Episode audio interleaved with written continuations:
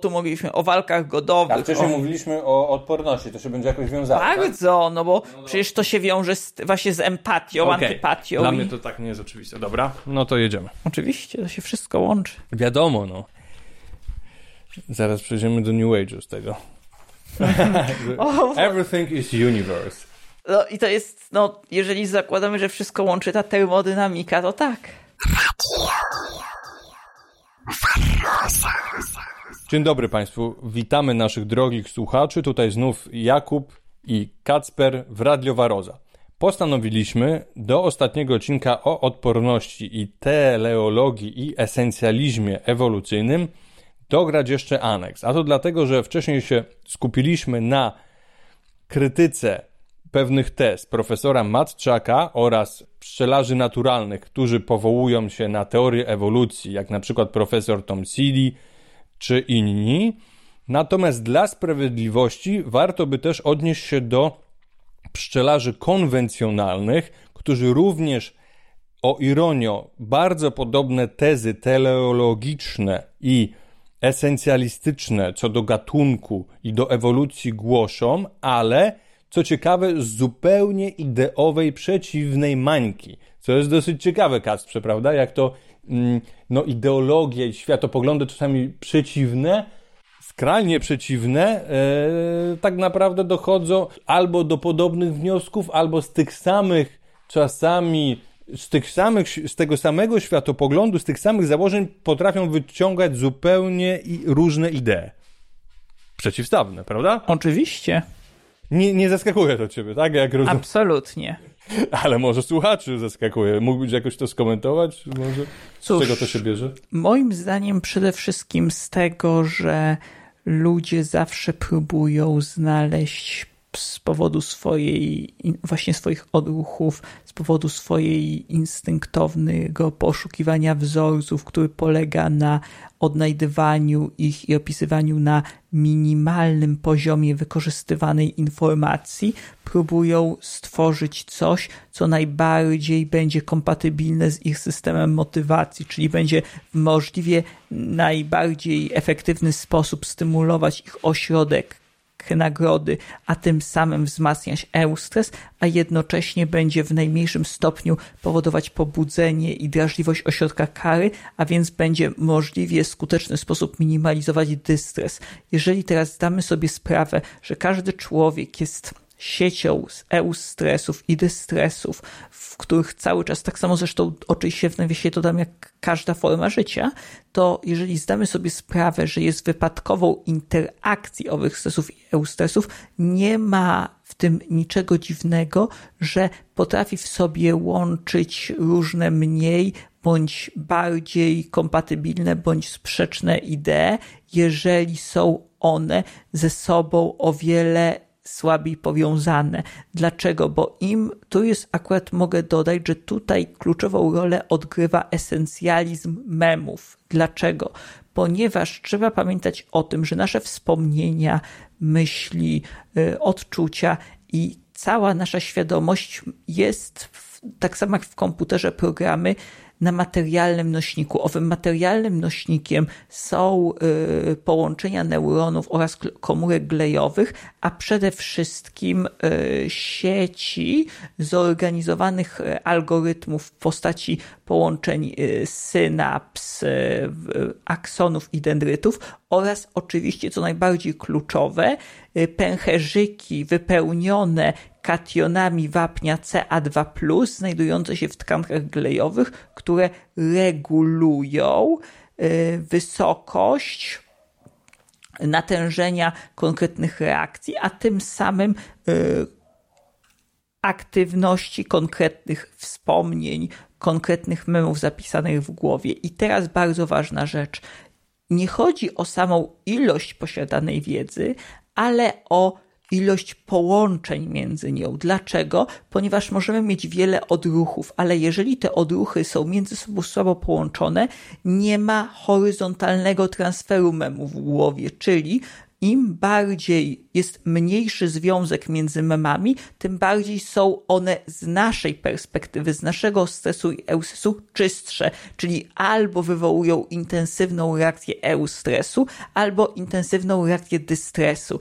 Im więcej po, powiązań niepionowych, czyli właśnie tych związanych z odruchem, ale właśnie poziomych, tym więcej niepewności, tym więcej mniejszego konkretu. Dlaczego? Ponieważ pojawia się zawsze, no każdego eustresu pojawia się ta y, ciutka dystresu, a do każdego dystresu ciutka eustresu. W momencie zaś, jeżeli mamy oddzielnie zapisaną masę informacji, to mimo, że pozornie komuś z zewnątrz, u kogo te informacje są ze sobą połączone, wydaje się, że to myślenie tej osoby jest absurdalne, to jest tylko, o ironio, błąd polegający na, y, na problemach z teorią umysłu o tej osoby, bo zapomina, że u osoby, u której na przykład pod wpływem jej życia, jej genów, bo trzeba pamiętać, że to wszystko się ze sobą pasuje, dane memy nie mają sieci połączeń i występują w sposób względnie odrębny od siebie,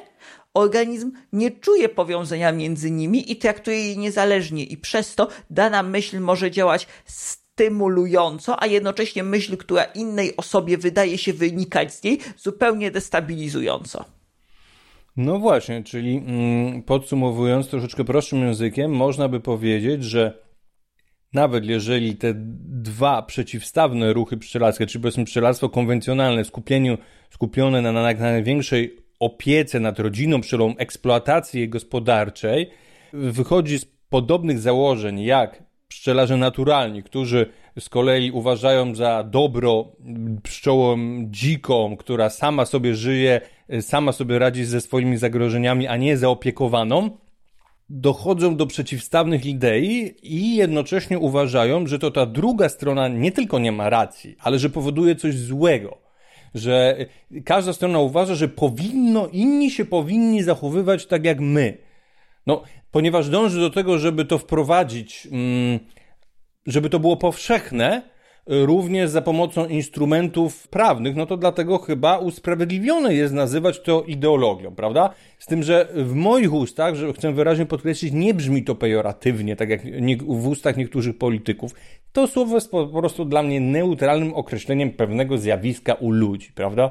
Zgodzisz się, że można to, jeżeli te ruchy dążą do tego, żeby tak to wprowadzić i żeby innym narzucić mm, to, co z y, powinności, no to można je tak nazwać. Jak najbardziej, więcej nawet. Powiedziałbym, że są to swojego rodzaju klastry memetyczne. Dokładnie tak jak mamy pewnego rodzaju, na przykład w przypadku bakterii operony, czy według genów mamy konkretne chromosomy upakowane, konkretne połączone ze sobą zespoły genów, na przykład na wspólnych histonach w pakietach genetycznych. Dokładnie to samo obserwujemy w przypadku memów. Mamy te zespoły pamięciowe, które ze względu na przebywanie w konkretnych środowiskach są ze sobą powiązane w pewne pakiety. I teraz można zauważyć, dlaczego ludzie i nie tylko ludzie, bo to też przyznaję, że to chodzi w ogóle o formy życia, mają często taką presję na sprawianie, aby świat był podobny do nich, czyli sprawianie, aby osobniki, które je otaczają, myślały, działały tak jak one.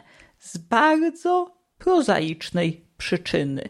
Jeżeli jako punkt wyjścia przyjmiemy, że formy życia minimalizują na każdym możliwym sposób, jaki się da, dystres, a próbują zmaksymalizować eustres, oczywistym się wydaje, że z własnej perspektywy próbują neutralizować źródło dystresu. Jeżeli pewne bodźce pamięciowe kojarzą im się z dystresem, to pragną albo uciec od nich i sprawić tak, żeby nie mieć z nimi jakiegokolwiek kontaktu, czyli biernie je zneutralizować, albo też zneutralizować je czynnie, czyli aktywnie podjąć z nimi walkę i mówiąc tak metaforycznie, wyplenić je z korzeniami, sprawić, aby dany zespół bodźców zniknął zupełnie i na zawsze z ich środowiska, a tym samym, żeby szlak pamięciowy powiązany z silnym dystresem nie był już więcej w ich głowie drażniony.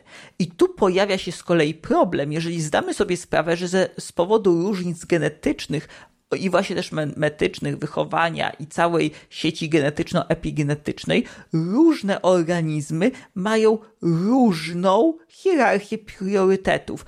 Inne określają jako eustres, inne określają jako dystres, a w dodatku przywiązują im też inną wagę, nie tylko jakościową, ale też ilościową, czyli na przykład uznają za mniej bądź bardziej intensywne eustresory bądź dystresory.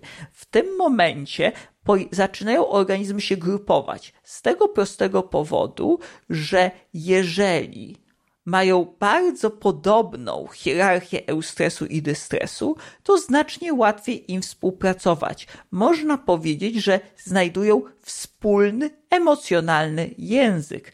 Też z tego powodu o wiele łatwiej im empatyzować ze sobą. Dlaczego? Bo im więcej cech zarówno fizycznych, umysłowych, właśnie behawioralnych je łączy, tym bardziej potrafią się wzajemnie synchronizować i dochodzić razem do wspólnych celów. Jeżeli zaś ich cele są sprzeczne, czy też środowiska, do których dążą, są wzajemnie się wykluczające, organizmy takie wzajemnie naciskają na swoje dystresory i w tym momencie aktywnie zaczynają się zwalczać. I to jest konkurencja. I w ten sposób mamy rozwój struktur, w których albo mamy wzajemne wzmacnianie się, i mamy właśnie współpracę, a której takim najbardziej skrajnym przejawem jest mutualizm, albo mamy definitywną drogę w kierunku konkurencji, czyli takiego środowiska, w którym to organizmy zupełnie nie pasują do siebie i wzajemnie uniemożliwiając działania na wzajemne korzyści, dążą do y, środowiska wzajemnego wytracenia się, w którym albo jed, jeden z nich zwycięży, albo przegają wszystkie. No, trochę to jest kontrowersyjne, co mówisz, bo współcześnie często się uważa, jest takie przeświadczenie, takie mniemanie we współczesnym świecie, że im większa różnorodność, mówi się o bioróżnorodności, mając na myśli różne rzeczy, ale też zróżnicowanie częstości występowania prawda, różnych genów i, i, i osobników o różnych fenotypach populacji, im większa taka różnorodność, tym większa szansa na przetrwanie. Trochę w poprzednim odcinku już to żeśmy skrytykowali, kiedy omawialiśmy koncepcje humanistyczne, które chciałyby być ścisłe e, w stwierdzeniach profesora Matczaka, i trochę żeśmy to wypominali wtedy mu, natomiast no tutaj znów to powróciło, czyli no nie zawsze tak jest, że im coś bardziej różnorodne, tym lepsze szanse na przetrwanie. Z pewnością nie. Trzeba właśnie zauważyć, że im bardziej różnorodne, tym więcej może pojawić się niesnasek. Dlaczego? Bo wszystko zależy od definicji różnorodności, co uznajemy za różnorodność, co mamy na myśli, gdy mówimy różnorodność. Zazwyczaj, gdy mówimy o różnorodność, mamy na myśli to, że organizmy wzajemnie się uzupełniają. Dlatego, bo jeden potrafi zrobić to, inny to, inny jeszcze coś innego, czyli każdy dodaje swoją perspektywę. Problem polega na tym, że nie jest to wcale tak naprawdę różnorodność. To jest swojego rodzaju zróżnicowany podział pracy w dążeniu do wspólnego celu. Czyli te organizmy tak mają różne strategie przetrwania, ale jednoczy je bardzo silnie zsynchronizowany system motywacji, czyli wspól, mają wspólną zgodę odnośnie tego, co jest eustresem, co jest dystresem, a to, jak to realizują, to jest już kwestia porozumienia, zarządzania, właśnie specjalizacji w grupie, ponieważ wiadomo, że podział pracy umożliwia efektywne działanie grupy, ale to, że mamy podział pracy nie oznacza, że jesteśmy różnorodni. Nie to oznacza po prostu, że dzielimy się obowiązkami, dzielimy się pracą, mamy różne podejścia do tego samego problemu, ale jednak mamy wspólną oś porozumienia. To tak naprawdę nie jest różnorodność. Różnorodność pojawia się wtedy, kiedy mamy różnorodne systemy wartości i motywacji. I tu pojawia się problem. Dlaczego? Bo jeżeli mamy istoty, które z mniej bądź właśnie bardziej oczywistych powodów mają różne priorytety, co innego je wywołuje u nich stres, eustres, co innego dystres, to z oczywistych powodów zaczynają się wzajemnie zakłócać, zaczynają się wzajemnie tłumić. Dlaczego? Bo to, co u jednego wywołuje uczucia negatywne, u innego wywołuje uczucia pozytywne. Możemy mieć nawet sytuację taką, w której organizm niejako wprowadzając w dystres innego osobnika, wzmacnia swój własny eustres. I siłą rzeczy też bardzo często też kosztem homeostazy jednego osobnika wzmacnia swoją homeostazę, kosztem fitnessu i repro y, sukcesu reprodukcyjnego jednego osobnika yy, powiększa swój własny. I siłą rzeczy, co się okazuje, że tej różnorodności zupełnie niejako automatycznie, spontanicznie organizmy zaczynają się wzajemnie wypierać. Zaczynają sprawiać to, że część z tej różnorodności jakby założenia same zaczynają eliminować poprzez zwykłe wzajemne interakcje. I dlatego, gdy na przykład mówimy o różnorodności, najprostszy przykład, różnorodność yy, genetyczna, to oczywiście możemy mówić o bogactwie różnych cech, ale bardzo dużo cech różnorodnych to są na przykład różnego rodzaju zaburzenia genetyczne, choroby genetyczne, deformacje. I w momencie, w którym możemy też to samo powiedzieć o memach o, i, i związanych z nim behawiorem, przecież bardzo dużo memów z założenia opiera się na czym? Na dyskryminacji opiera się na uznawaniu, że mój system wartości jest inny od innego systemu wartości. I często lepszy. Naturalnie. Albo bardziej właściwy. No tu już mamy esencjalizm. Tak? Dokładnie. Zazwyczaj idzie w parze z ideami, z, z ideologiami. Oczywiście, przede wszystkim, jeżeli weźmiemy pod uwagę kultury, to zauważymy, że czy mówimy o kulturach ludzkich czy zwierzęcych i obowiązujących w nich rytuałach, czy na przykład markerach kolonii o te, u termitów czy innych owadów społecznych, o których już tak często opowiadałem, łatwo zauważyć, że mamy tu do czynienia z otwartą wrogością do innych markerów. Jej, Im tak naprawdę jest mniej markerów w środowisku, tym jest bardziej zintegrowana współpraca roju. Im więcej tych markerów rośnie, tym musi być albo o wiele bogatsze środowisko, albo musi być bardzo mała ilość zagrożeń, albo muszą być spełnione jeszcze inne y, bardzo trudne i niezwykłe czynniki. Natomiast w większości, jeżeli nic się nie zmieni i mamy środowiska takie same, to okaże się, że tam, gdzie jest mniejsza różnorodność markerów kolonii, tym praca, właśnie podział pracy, rozwój i ogólna stabilność roju jest o wiele większa, ten rój jest o, e, szybciej się rozrasta, pojawia się w nim mniej zaburzeń, e, o, osobniki wbrew pozorom o wiele chętniej ze sobą współpracują, o wiele częściej sobie pomagają, o wiele jakby intuicyjniej na przykład dokonują trofalakcji, czyli właśnie chętniej wymieniają się zasobami i utrzymują obieg zasobów, a im więcej, y, im więcej różnorodności, tym więcej nieporozumień, że mogę tak się metaforycznie odwołać do słynnej ze Starego Testamentu y, y, biblijnego mitu o wieży Babel, który też pojawił się oczywiście w mitologii sumeryjskiej.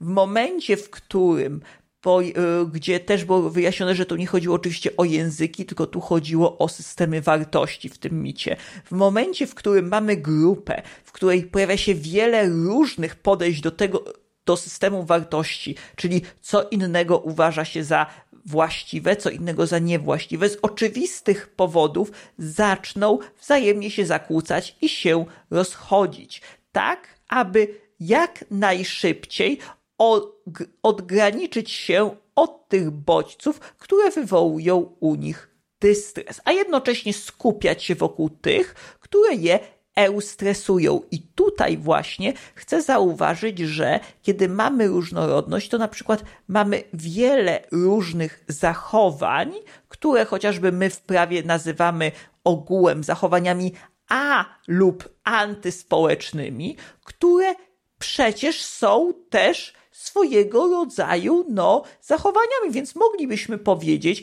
że im bogatsze spektrum zachowań, tym większa różnorodność w społeczeństwie, a jednak czysto dosłownie, zupełnie świadomie dokonujemy eliminacji pewnych memów ze środowiska tylko i wyłącznie po to, aby zapewnić bezpieczeństwo istotom, które wykazują się innymi cechami memetycznymi. I dokładnie to samo zauważamy w przypadku chociażby też różnego rodzaju izolacji, które były powszechne wśród ludzi, którzy byli obciążeni wadami. Właśnie często się uważa, że zjawisko dyskryminacji jest czymś dziwnym. Absolutnie nie. Jeżeli pojawia się osobnik dotknięty jakąś potencjalną chorobą, bądź zachowujący się w sposób nienaturalny, izolacja od niego te jest bardzo adaptatywnym zachowaniem. Po prostu te osobniki, które chętniej się izolowały od osobników, których homeostaza była zagrożona bądź była zagrożeniem dla nich, znacznie częściej przeżywały nie tylko one, ale i takie grupy. Z tego powodu też pełna różnorodność wszystkiego jest często opacznie rozumiana, ponieważ w momencie, kiedy mamy wiele różnych opcji, to te opcje zaczynają inaczej manipulować zasobami, a jeżeli zaczynają manipulować zasobami w przeciwne strony, to z oczywistych powodów zaczynają sobie wzajemnie szkodzić. No właśnie, mam dwie uwagi. Kiedy tak mówiłeś o, o tym, o, o problemach ze współpracą, w momencie, kiedy pojawia się zbyt duże zróżnicowanie, o e, różnorodność, przepraszam, e, o zachowaniach antyspołecznych, o izolacji od tych zachowań, e, o sposobach na radzenie sobie z tym, to nie wymieniłeś jedną rzecz, bo oczywiście powiedziałeś, że są też inne. No więc jak mówiłeś o tej współpracy, to siłą rzeczy już nawiązaliśmy. E, ja próbuję teraz zmienić e, temat na rodzinę pszczelą, bo będziemy za chwilę o pszczelarskim e, mniemaniu rozmawiali. Czyli super to jest zejście do rodziny pszczelej. Nawiązujemy w ten sposób do rodziny pszczelej i mianowicie wyewoluowanie kasty osobników i u ludzi też, tylko że u ludzi to jest na poziomie kulturowym, którzy zajmują się zwalczaniem tego typu zachowań i u pszczół jest to worker policing, czy można by dosłownie przetłumaczyć policja pszczela, czyli to są osobniki, robotnice wykwalifikowane do tego, żeby zwalczać aktywnie zbyt samolubne robotnice i niszczyć ich jaja. No przecież to jest najlepszy przykład właśnie na to. A co do różnicy wartości, to słusznie to zauważyłeś. Moim e, hipotezą jest, że wartości pszczelarzy naturalnych i konwencjonalnych tak się różnią, że oni się nigdy nie dogadają, mogą się tylko co najwyżej tolerować. Jeżeli jedna strona uważa, że na najwyższym dobrem jest dbanie e, o dobrostan każdej rodziny pszczelej, zapewnianie ich wiktu i opierunku, czyli po prostu podstawowych biologicznych bytów, niejako w podzięce za to, że się je eksploatuje, no co jest jakby dość standardowym zachowaniem w ogóle w hodowli, prawda, jakichkolwiek organizmów, a z drugiej strony mamy ludzi przeświadczonych, że najwyższym dobrem jest pozostawienie pszczołom tak jakby żyły w dzikiej przyrodzie, że same sobie mają radzić ze wszystkimi zagrożeniami i ewentualnie ewoluować w tym kierunku, no to mamy dwa zupełnie sprzeczne systemy wartości. Właśnie tu od razu dodam, że jak najbardziej, szczególnie gdy zwróciłeś uwagę na to wzajemne tolerowanie się. Tutaj dodam od siebie, że jest to paradoks, że żeby tolerować różnorodność w ten sposób rozumianą, trzeba społeczeństwa, o ironio, bardzo mało zróżnicowanego pod względem jednej kluczowej cechy, a mianowicie teorii umysłu. Teoria umysłu jest niezwykle istotnym mechanizmem neurofizjologicznym, które pozwala odróżniać bodźce obiektywne od subiektywnych, czyli zdawać sobie sprawę, że co, czym innym niejako jest obiekt wywołujący w nas dane emocje, a czym innym jest dana emocja, która towarzyszy obecności tego obiektu. Jeżeli mamy rozwiniętą teorię umysłu, rozumiemy, że ten sam obiekt w moim subiektywnie może być odbierany jako pozytywny, może być skrajnym stymula stymulantem i eustresorem, z kolei dla innej osoby, czy też innego organizmu, może być skrajnym depresantem i dystresorem. I teraz, gdy weźmiemy dwa organizmy, na przykład mnie i istotę o innych niż ja preferencjach, to dzięki teorii umysłu potrafimy stwierdzić, że tak, ten byt, ten obiekt istnieje obiektywnie dla mnie i dla niego, ale ze względu na nasze biologiczne predyspozycje, bez względu wrodzone czy nabyte, inaczej odbieramy to. Ale tu właśnie pojawiają się schody, bo żeby do takiej pomysłu dojść, zarówno ja, jak i ta istota, z którą wchodzę w interakcję, musimy być świadomi różnicy obiektywno-subiektywnej. I żeby pokazać, jak często niestety nie jest to wcale oczywiste, podałbym dwa podstawowe błędy. Jeden związany jest z czymś, co nazywane jest czasami e, efektem amuletu, czy właśnie związanego na przykład z rzeczami, które przynoszą szczęście bądź przynoszą pecha.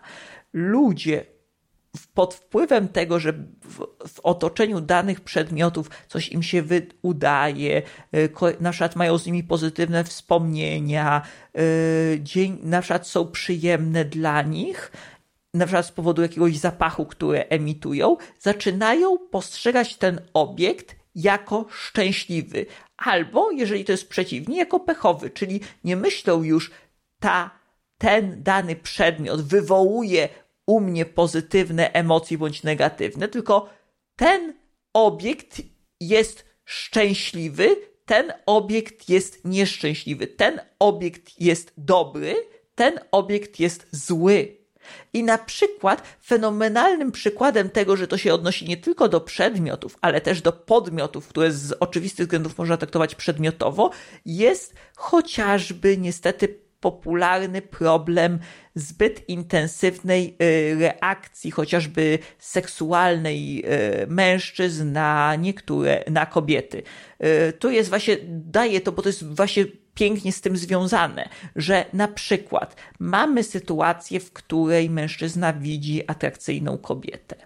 I z tego powodu, że ją widzi. Oczywiście dodajmy, że dla niego atrakcyjną, bo to jest subiektywne przecież. Oczywiście, to jest bardzo, to jest kluczowe właśnie dla niego atrakcyjną.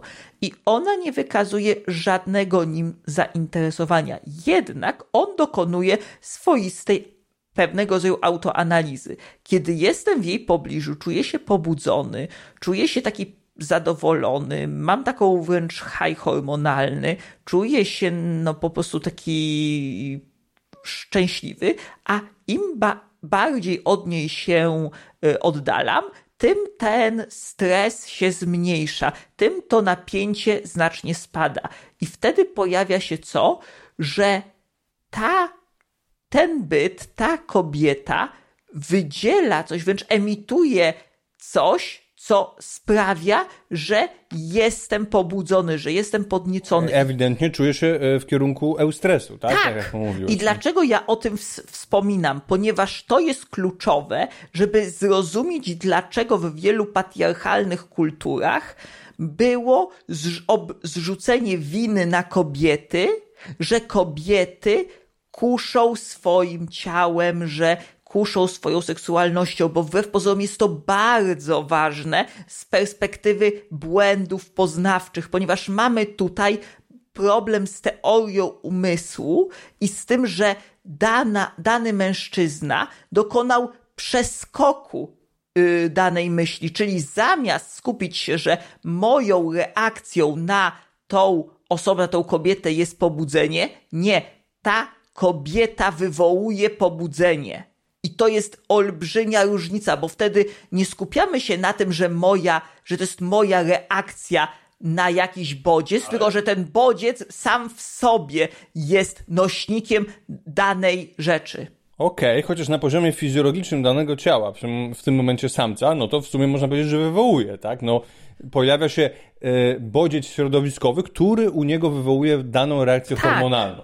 Ale właśnie tu jest klucz, i właśnie tu jest kluczowa teoria umysłu, ponieważ teoria umysłu pozwala stworzyć pewnego rodzaju dystans i samokontrolę między procesami, które się odczuwa, a jednocześnie dokonać analizy między tym, co dzieje się naprawdę. I teraz, kiedy właśnie z różnych powodów ten mechanizm jest zaburzony, pojawia się wiele różnych nieporozumień, zniekształceń poznawczych, właśnie zaokrągleń poznawczych, dlatego że jeżeli nie mamy teorii umysłu, bądź mamy ją bardzo słabo rozwiniętą, czy też pod wpływem silnych emocji została ona zaburzona, pojawia się bardzo silny esencjalistyczny skręt w kierunku traktowania swojego umweltu jako obiektywnego wyznacznika realistycznej rzeczywistości. I w momencie, kiedy dochodzi do zetknięcia się istot o różnych umweltach, pojawia się reakcja stresowa, ponieważ te umwelty się wzajemnie wykluczają, a ponieważ się wykluczają, wywołują reakcję stresową, którą z kolei te organizmy, próbując uniknąć, zaczynają albo ze sobą walczyć, albo od siebie uciekać. Tak czy tak, jeżeli nie ma teorii umysłu, nie są w stanie rozwiązać tego na drodze komunikacji, ponieważ są przekonane, że ten drugi organizm musi być w błędzie, no bo ich reakcja jest obiektywna. Więc jeżeli ich, jeżeli reakcja tego innego stworzenia nie jest taka sama, to albo jest ono w jakiś sposób zepsute, albo też jest oszustem i ma złe intencje i specjalnie zakłamuje rzeczywistość. Dobrze. Z dziennikarskiego obowiązku, Kasprze, muszę mm, poprosić Cię o zdefiniowanie pewnych pojęć, że, żeby, żeby było łatwiej słuchaczom zrozumieć, tylko prosiłbym Cię, żeby to było dosłownie kilka zdań. A więc po kolei. Co to są memy? E, memy są to wprowadzone przez Richarda Dawkinsa już w książce, jego największym bestsellerze Samolubny gen, w analogii do genów, ponieważ nie ma to nic, żadnego związku z zabawnymi obrazeczkami z internetu, czy żadnymi gifami, absolutnie nie, czy emotikonkami. Memy, jest to, można powiedzieć, skrót od memory gen, czyli noś, tak jak mamy nośnik pamięci w komórce, tak nośnik pamięci w mózgu.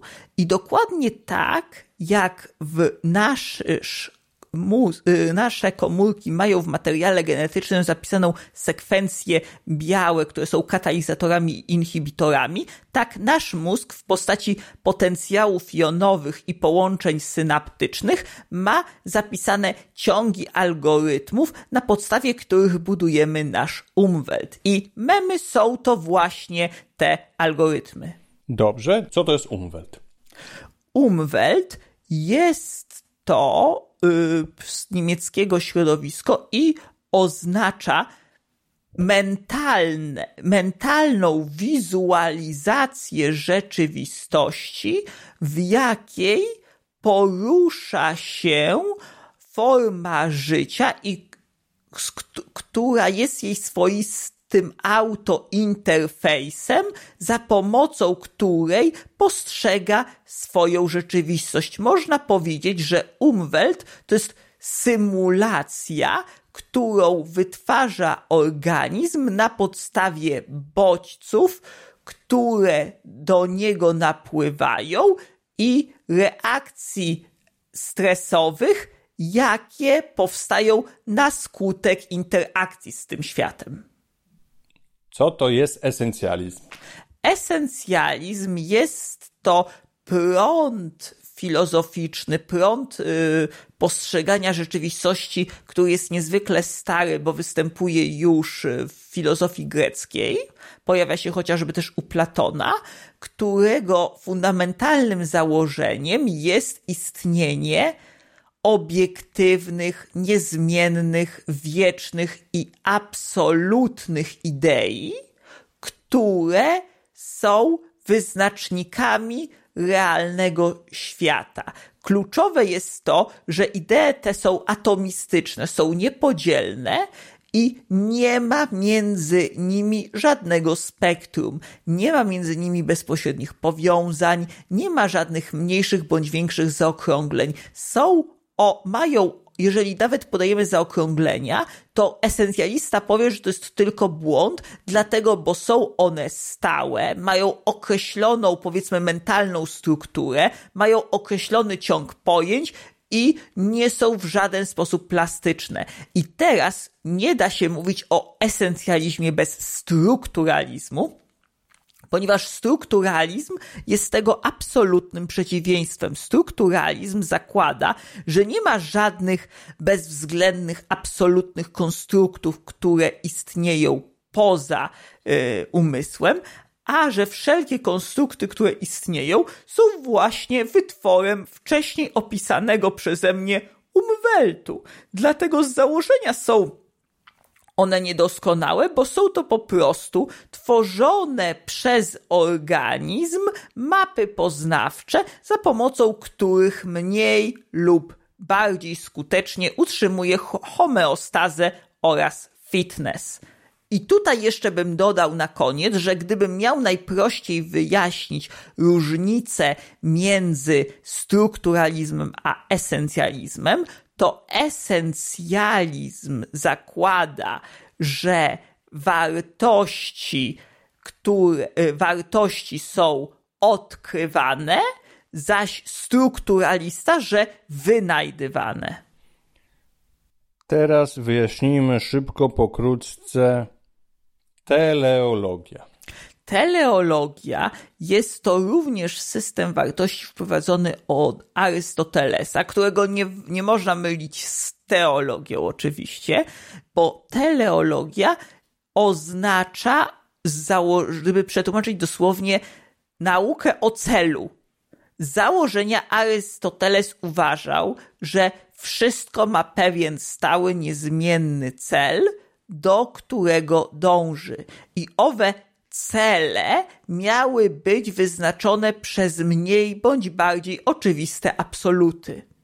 Z tego powodu, gdy mówimy o teleologii, mówimy o tym, że istnieją transcendentne, często wręcz spirytualistyczne, bo bardzo ważne, niedeterministyczne prawa, które w sposób intencjonalny zarządzają z, z zjawiskami zachodzącymi w rzeczywistości. W przeciwieństwie do rozumianego dosłownie materialistycznego, y, materialistycznych praw fizyki, które są deterministyczne, w teleologii mamy z założenia fizyczny, jakby inteligentny projekt. Mamy założenie, że wszystko dąży do czegoś, ponieważ jest w sposób centralny, sterowane, w sposób niezwykle racjonalny. I to jest ta kluczowa rzecz, że wtedy zakładamy, że świat jest ściśle kierowany w określonym kierunku, że procesy nie są efektem oddolnych sprzężeń zwrotnych między energią a materią, a są efektem planu, który jest realizowany niejako za kurtyny rzeczywistości. Tak, tylko że dodam, że ten plan nie wymaga koniecznie autora, już tym bardziej autora osobowego. Teleologia zakłada, że to może być zupełnie naturalny, czyli samoorganizacja właśnie, do której zaraz przejdziemy, również może dziać się planowo po prostu że sama organizacja dąży jakby do utrzymania pewnych odgórnie zbudowanych bytów, co jest trochę wykluczające. Ale tu jest właśnie słowo klucz odgórnie, dlatego ja bym powiedział, że może i nie ma bytu osobowego, ale pojawia się na pewno pewnego rodzaju bóstwo panteistyczne, pojawia się pewnego rodzaju fatum, nemezis, Y, my, my obecnie kojarzymy słowo fatum i nemezis negatywnie, ale dla Greków i Rzymian nie miały one żadnego negatywnego określenia. Było to po prostu przeznaczenie. Można powiedzieć, że z, w naszej kulturze obecnej najbliższe słowu fatum czy nemezis jest właśnie y, chrześcijańskie logos. Pewnego rodzaju obiektywne i niezmienialne prawo, które odgórnie zarządza wszystkim i które realizuje jakiś określony i niezmienny plan. Właśnie, przeznaczenie to jest dobre dosyć słowo. Przeznaczenie, najlepsze. Idealnie się przeznaczenie wpasowuje to, co za chwilę będziemy krytykowali. Tak jak mi przyszło do głowy, że po angielsku przeznaczenie to jest fate, a zaczyna się fat. Ciekawe, czy to jest... Yy od fatum, fatalizm. Czy to jest z, z łaciny po prostu, tak? tak? Prawdopodobnie. Od fatum. E, no właśnie. E, po, zakończyliśmy fragment słowniczka, że tak powiem. I przechodzimy już do clue, do meritum. Znaczy właściwie to już meritum było, powiedzmy cel, o właśnie, w jakim y, zrobiliśmy y, ten odcinek, ten aneks, który się oczywiście wydłużył, merytoryczne wprowadzenie, mianowicie przechodzę już do pszczelarstwa i do artykułu pana Sławomira Trzybińskiego, pszczelarza zawodowego, pszczelarza komercyjnego, dosyć sporego, z tego co się orientuję, który ukazał się w pasiece w numerze lipcowo-sierpniowym 2022 pod tytułem Świat się zmienia. Dodam jeszcze, że my tutaj się zajmujemy, tak jak i w poprzednim odcinku, szczególnym przypadkiem esencjalizmu i teleologii, mianowicie biologicznym, a szczególnie związanym z teorią ewolucji której po prostu pojawia się. Pojawia się na skutek, y, naszym zdaniem, błędów poznawczych, prawda? I nie da się go uzasadnić czysto biologicznie. No i uzasadniając sens egzystencji rodziny pszczelej, pan Sławomir Trzybiński pisze tak. Nasze pszczoły mają w genach zapisany jeden cel: przeżyć i rozmnożyć się tak, by ich gatunek przetrwał. Dlatego wiosną intensywnie się rozwijają, gromadzą zapasy, potem roją, a następnie przygotowują się do zimy. Ale teraz o to, by przeżyć i utrzymać ciągłość gatunku, już nie muszą się martwić, bo mają od tego nas, pszczelarzy. A my, znając ich cykl życiowy, pokierujemy ich rozwojem w najbardziej nietypowych warunkach. Piękny przykład esencjalizmu i teologii ewolucyjnej. Bardzo nie sądzisz? cukierkowy. Ale piękny. Ale piękny, natomiast bardzo cukierkowy. No niemniej, naszym tutaj zadaniem, jakie sobie postawiliśmy, jest popularyzowanie nauki, krytyka błędów poznawczych, więc dlaczego to zdanie jest fałszywe? Jest ono fałszywe przede wszystkim dlatego, że zakłada wiele tez ad hoc i wychodzi w pewien sposób z bardzo o ironię nawet bym powiedział transcendentnych założeń. Widać tu to, o czym wcześniej wspomniałem, czyli co się dzieje, jeżeli się nie pilnujemy i nawet na chwilę stracimy uwagę, a wraz z uwagą yy, zaburzona zostaje nasza teoria umysłu i zaczynamy dokonywać intensywnych skrótów poznawczych. Proszę zauważyć, że w tym tekście wyraźnie zacznę może trochę od końca, ale jest słowo gatunek. Przede wszystkim trzeba pamiętać, że tak naprawdę nie ma czegoś takiego jak gatunek w biologii. Gatunek tak naprawdę, podobnie jak rodzaj, rodzina i kolejne klasy, zostały wprowadzone jeszcze na długo przed opisaniem ewolucji przez Karola Linneusza, żeby uporządkować otaczającą nas rzeczywistość. No właśnie, bo przecież można by powiedzieć, że rodzina pszczela równie dobrze dba o rodzaj apis, czyli rodzaj pszczół, później ro, e, rodziny e, pszczołowatych, apidea, a na końcu nadrodziny całej apoidea, gdzie, w gdzie na przykład w Polsce 450 gatunków do tego zaliczono. Dlaczego? No na tej samej zasadzie można powiedzieć, że rodzina pszczela dba o, cały, na, o całą nadrodzinę apoidea. Dlaczego nie? Oczywiście, trzeba pamiętać, że pojęcie gatunku podobnie jak i wiele innych pojęć, pozornie wydaje się mieć sens, ale tylko pozornie. Dlaczego? Ponieważ często pojawia się takie wyjaśnienie, że gatunek to jest to, co jest zdolne do rozmnażania. I tu już pojawia się pewna nieścisłość, bo proszę zauważyć, że na gatunki dzielimy też formy życia, które nie rozmnażają się płciowo, co w przypadku organizmów nie rozmnażających się płciowo nie ma zupełnie sensu, ponieważ jakakolwiek ich tak naprawdę klasyfikacja, no, mija się trochę z celem, bo możemy co najwyżej porównywać je genetycznie, ale to jaki stopień podobieństwa uznamy za wystarczający do tego, aby uznać je za przedstawicieli wspólnej grupy, to już jest tylko i wyłącznie nasze subiektywne odczucie, co widać szczególnie w przypadku prokariontów, gdzie to tylko zależy od nas, jakie tak naprawdę podzielimy. Ale nawet również w przypadku wirusów, no choćby SARS-CoV-2, a okazało się, że atakuje, może w stanie zaatakować bardzo dużo gatunków, nie, tyl nie tylko należących do ludzi, ale na przykład także małp, kotów, hipopotanów nawet słyszałem, ale nadal uznajemy go za powiedzmy w cudzysłowie jeden gatunek wirusa, jako tego odmiennego od tych innych koronawirusów, które są u nietoperza, z których wyewoluował, no na zasadzie takiej, że, że spowodował pandemię i zaraża nas ludzi, no ale przecież to jest tutaj jakkolwiek obiektywizm nie chodzi w grę, nie? Więcej nawet, jeżeli mówimy na przykład o rozmnażaniu, to już kiedyś o tym wspomniałem, w czasie, kiedy opowiadam o termitach, że tak naprawdę nie ma czegoś takiego jak gatunek w dosłownym znaczeniu tego słowa. To, co jest, to jest kompatybilność genetyczna. Jeżeli mamy organizmy rozmnażające się przez gamety, to gamety te dokonują fuzji w zygotę.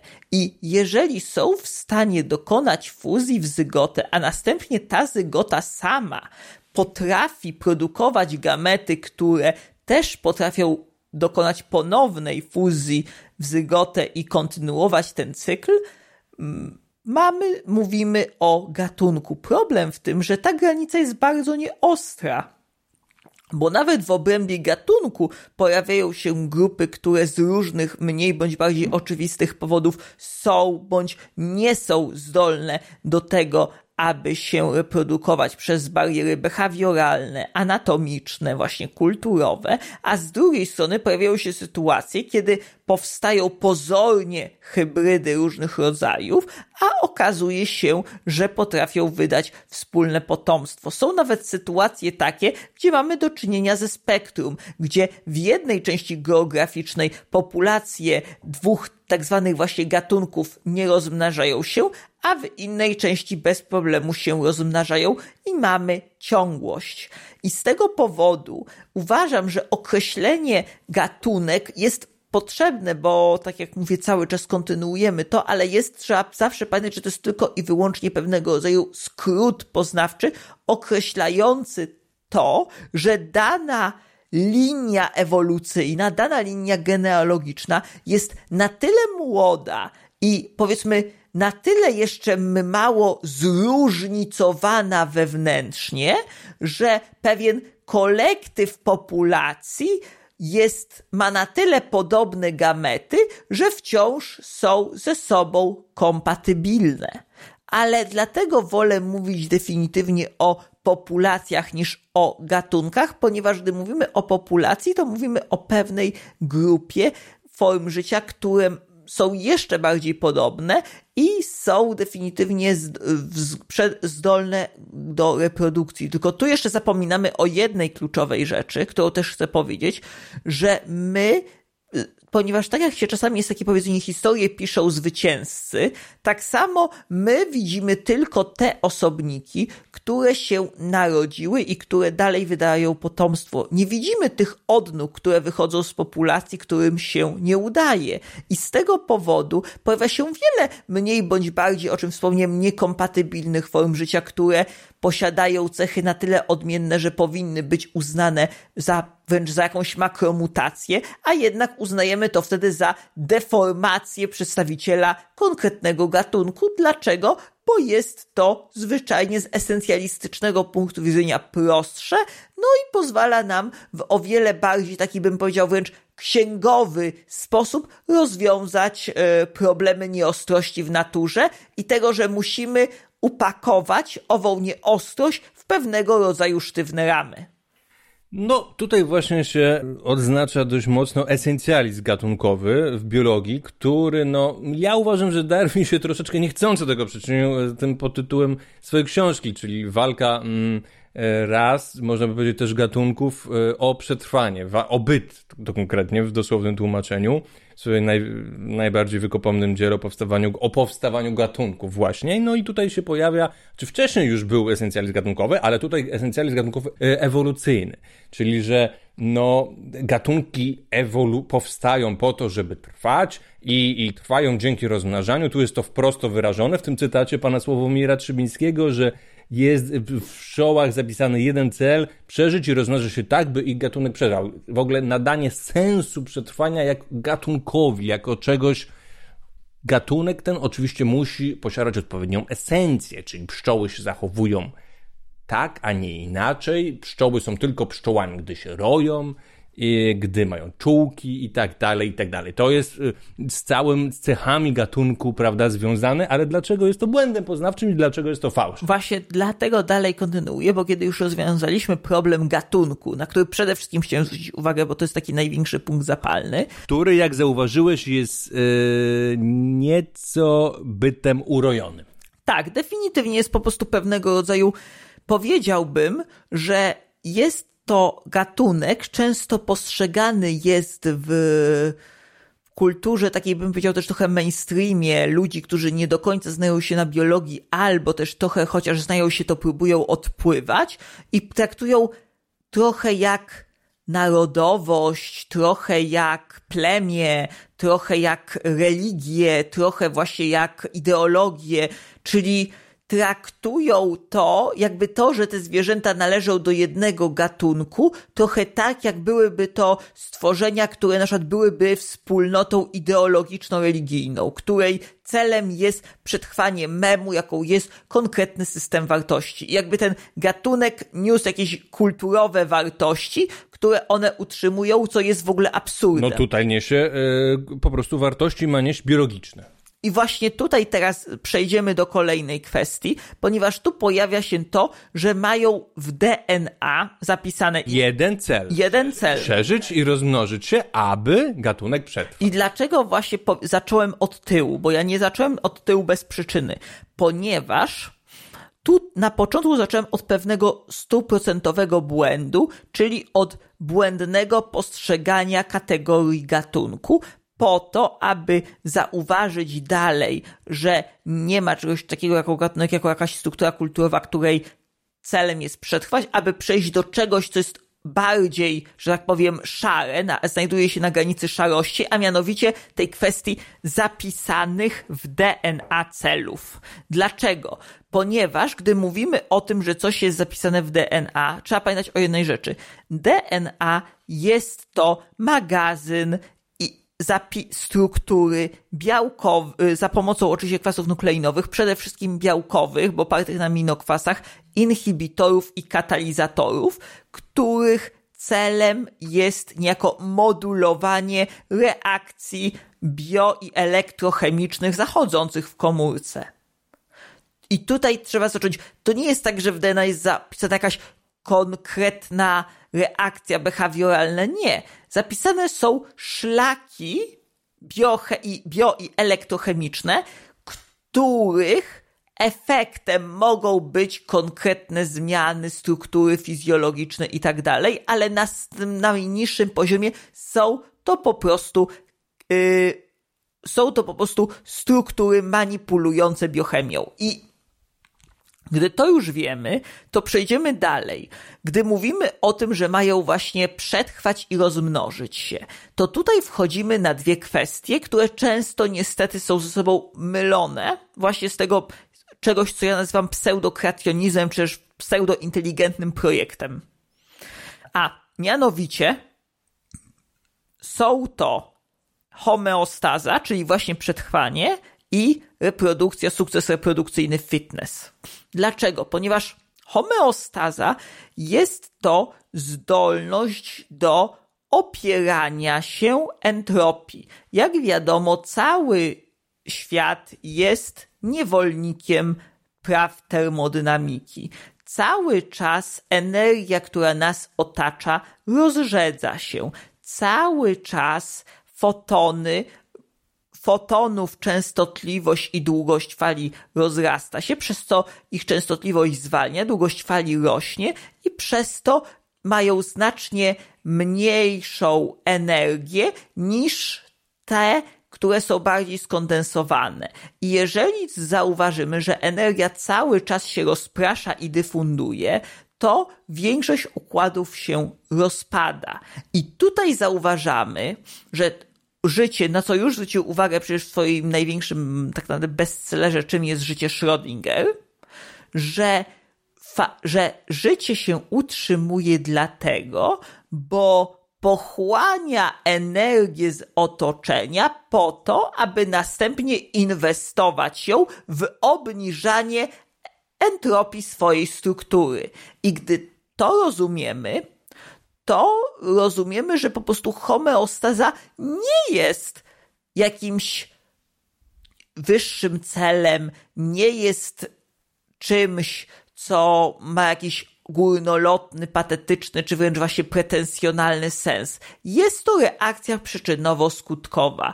Życie, że tak powiem metaforycznie, pozostaje niczym piłka w grze przy życiu tak długo, jak potrafi ro rozrzedzać środowisko w celu samodzielnego w celu zagęszczania samego siebie. O, tak najlepiej powiedzieć, że rozrzedza środowisko, a zagęszcza siebie i tak długo, jak ten proces autozagęszczania kosztem rozrzedzenia środowiska zachodzi, układ utrzymuje się w całości. I teraz to nie jest tak, że organizmy muszą to robić. Po prostu te, które z różnych powodów przestają się zagęszczać, rozpływają się, rozpadają się, a tym samym można powiedzieć osiągają poetycko. Równo, osiągają równowagę, przynajmniej y, dążą do równowagi. O ironio, bo często y, się w popularnym obiegu informacji spotyka takie stwierdzenie, że przyroda, ożywiona, organizmy to y, są w stanie równowagi, prawda?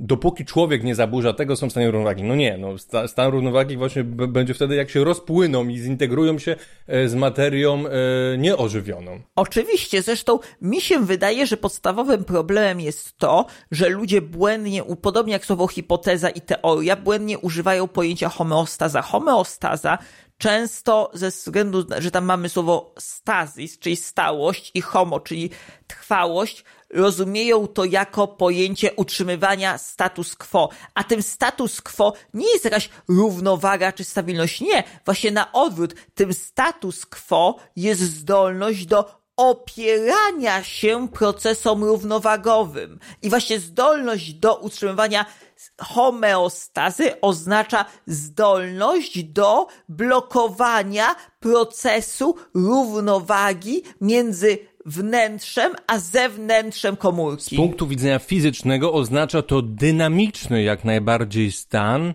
który jest daleki od stanu stabilnego. Absolutnie. Tutaj to słowo stazis, czyli tą stałość oznacza raczej, że to jest cały czas zdolne do życia tak długo, jak jest zdolne opierać się rozproszeniu. I teraz, gdy już omówiłem homeostazę, zostaje jeszcze jedna kwestia, czyli właśnie sukces Oj, reprodukcyjny. Nie Oj, nie jeszcze jedna, Kasprze. Pamiętaj, jak on to się kończyło ku pokrzepieniu serc rolników tezą, że oto my wkraczamy i pomagamy. A nie, to to jeszcze będzie, bo tutaj ja y, póki co chcę omówić kwestię, właśnie skoro omówiłem kwestię gatunku, omówiłem kwestię homeostazy, to jeszcze chcę omówić kwestię fitness. Dlaczego? Ponieważ fitness, yy, czyli właśnie to ten sukces reprodukcyjny też często jest błędnie rozumiany i tutaj też zaraz wrócę do, jak skończę mówić o fitness i homeostazie, to wytłumaczę skąd się bierze ten błąd poznawczy. Fitness, czyli sukces reprodukcyjny, oznacza jak wiele dany osobnik zostawił po sobie potomnych form życia, które dalej napędzają tą reakcję łańcuchową narodzin kolejnych osobników.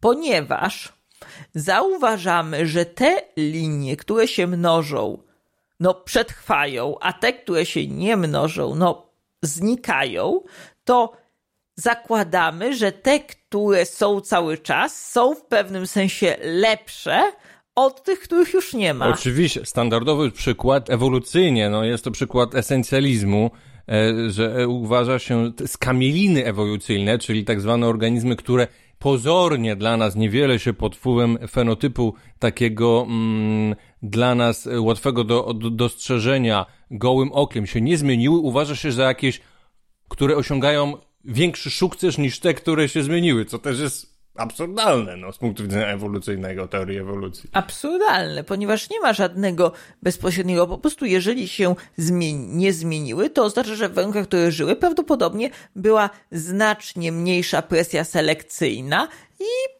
nie było żadnych mechanizmów, które by e, powodowały, żeby jakieś cechy były mniej bądź bardziej faworyzowane. Można się tu odwołać o ironię do pierwszej zasady mechaniki newtonowskiej, czyli jeżeli na ciało nie działa żadna siła, to jeżeli mamy do czynienia z siłą, brakiem siły pobudzającej, to ciało pozostaje w bezruchu, a jeżeli nie działa żadna siła hamująca, to porusza się ruchem jednostajnym. Czyli mówiąc krótko, jeżeli nic nie zadziała na obiekt, to pozostaje bez zmian. Czyli jeżeli naciski selekcyjne w danej niszy ekologicznej się względnie nie zmieniły, to populacja względnie się nie zmienia. I organizmy po prostu pozostają. I tutaj jeszcze właśnie wracając do sukcesu reprodukcyjnego i homeostazy, ponieważ widzimy, że reprodukcję i przetrwanie uznajemy zarówno osobnika, jak i jego potomstwa, ten cały kolektyw, właśnie kolektyw, uznajemy za jakiś priorytet. Sens i cel. Za cel, zapisany w genach, to tutaj bym właśnie zauważył. I motyw do całego działania organizmu i super, super organizmu, czyli rodziny. Że te geny i to nie wynika z tego, że organizmy mają potrzebę reprodukcji, czy wręcz potrzebę homeostazy. Mówiąc tak najbardziej kolokwialnie, organizmy, które w swoich genach miały masochizm i antynatalizm, generalnie nie miały za długo czasu się zaprezentować w środowisku. Dosyć szybko znikały. Dlaczego? Ponieważ masochistyczne osobniki łatwo traciły homeostazę, zaś antynatelistyczne osobniki dobrowolnie rezygnowały z fitness. I z tego powodu istoty takie to nie jest tak, że nie pojawiały się, bo nie dość, że się, nie, że się pojawiały, to się pojawiają, bo to nie jest tak, że zostały raz na zawsze usunięte tego, ce, wszelkie cechy w populacji pojawiają się cały czas.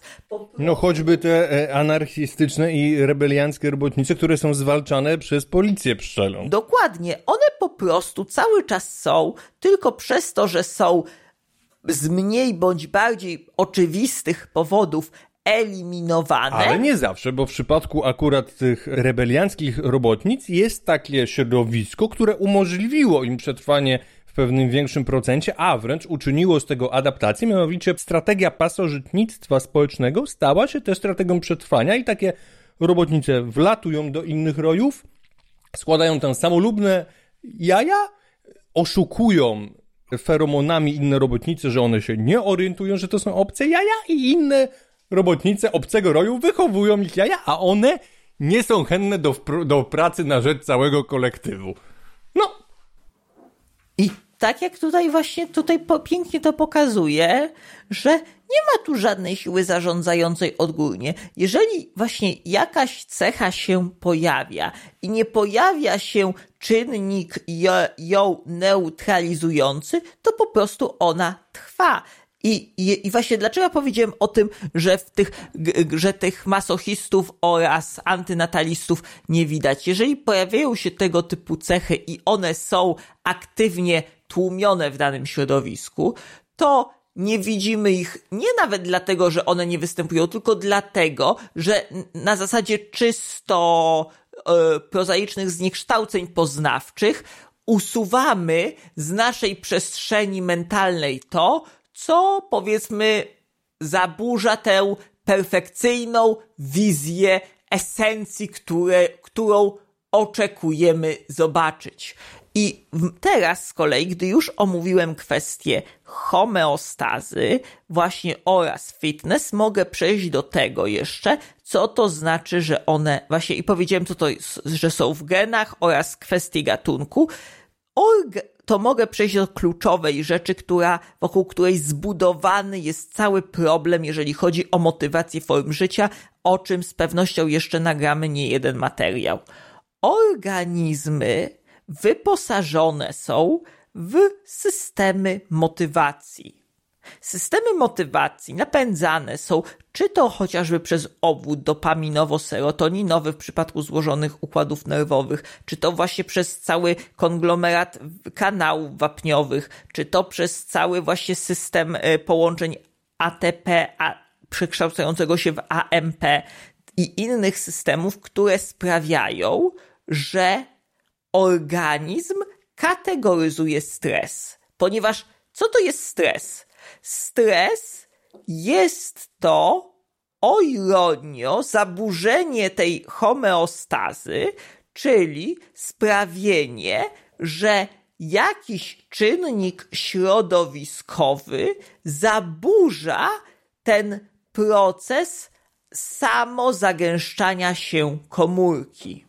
I teraz zauważamy pewną charakterystyczną rzecz, że te stresory organizmy dzielą albo na eustres, albo na dystres. I co to oznacza? Oznacza to tyle, że dany stresor, który nie jest pojedynczym bodźcem, ponieważ to jest zawsze kontekst wielu różnych bodźców, które na siebie oddziałowują, bo tak naprawdę poza y, schematami rysu, rysowanymi do nauki, do matury czy do egzaminu na studia, nie ma tak naprawdę pojedynczych bodźców, bo te bodźce są wszystkie przetwarzane równolegle nawet na poziomie jednej komórki. To te bodźce, gdy wywołują zaburzenia w polaryzacji błony komórkowej yy, i powodują właśnie całą kaskadę biochemiczną, mogą albo sprawiać, że organizm będzie ich pożądał i będzie się kierował w ich kierunku i będzie się powtarzał je, albo wprost przeciwnie, będzie od nich uciekał bądź próbował je wyeliminować ze swojego środowiska.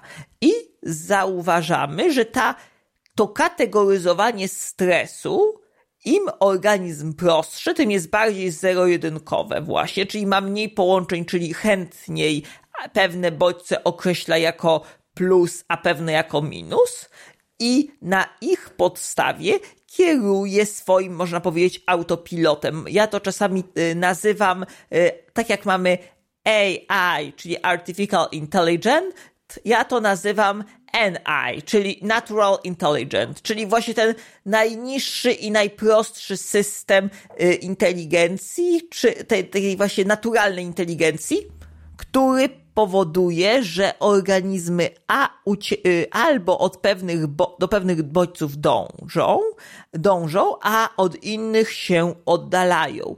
I w momencie, kiedy mamy system, który aktywnie, powiedzmy, selekcjonuje te stresory i pewne stresory preferuje, a pewne unika, włącza się kwestia doboru naturalnego. Dlaczego? Bo jeżeli mamy organizm, który który jako plus określa bodźce, które są dla niego szkodliwe, a jako minus bodźce, które są dla niego pozytywne, to dosyć łatwo się domyśleć, że taki organizm sam będzie niejako dążył do autodestrukcji. I takie autodestrukcyjne organizmy będą niejako szybciej, efektywniej eliminować się niż te, które y, będą chętne. Najprościej to sobie wyobrazić tak, że jeżeli mamy ofiary i mamy polujące na nie drapieżniki, to te, które na widok drapieżnika będą się cieszyć i do niego gonić,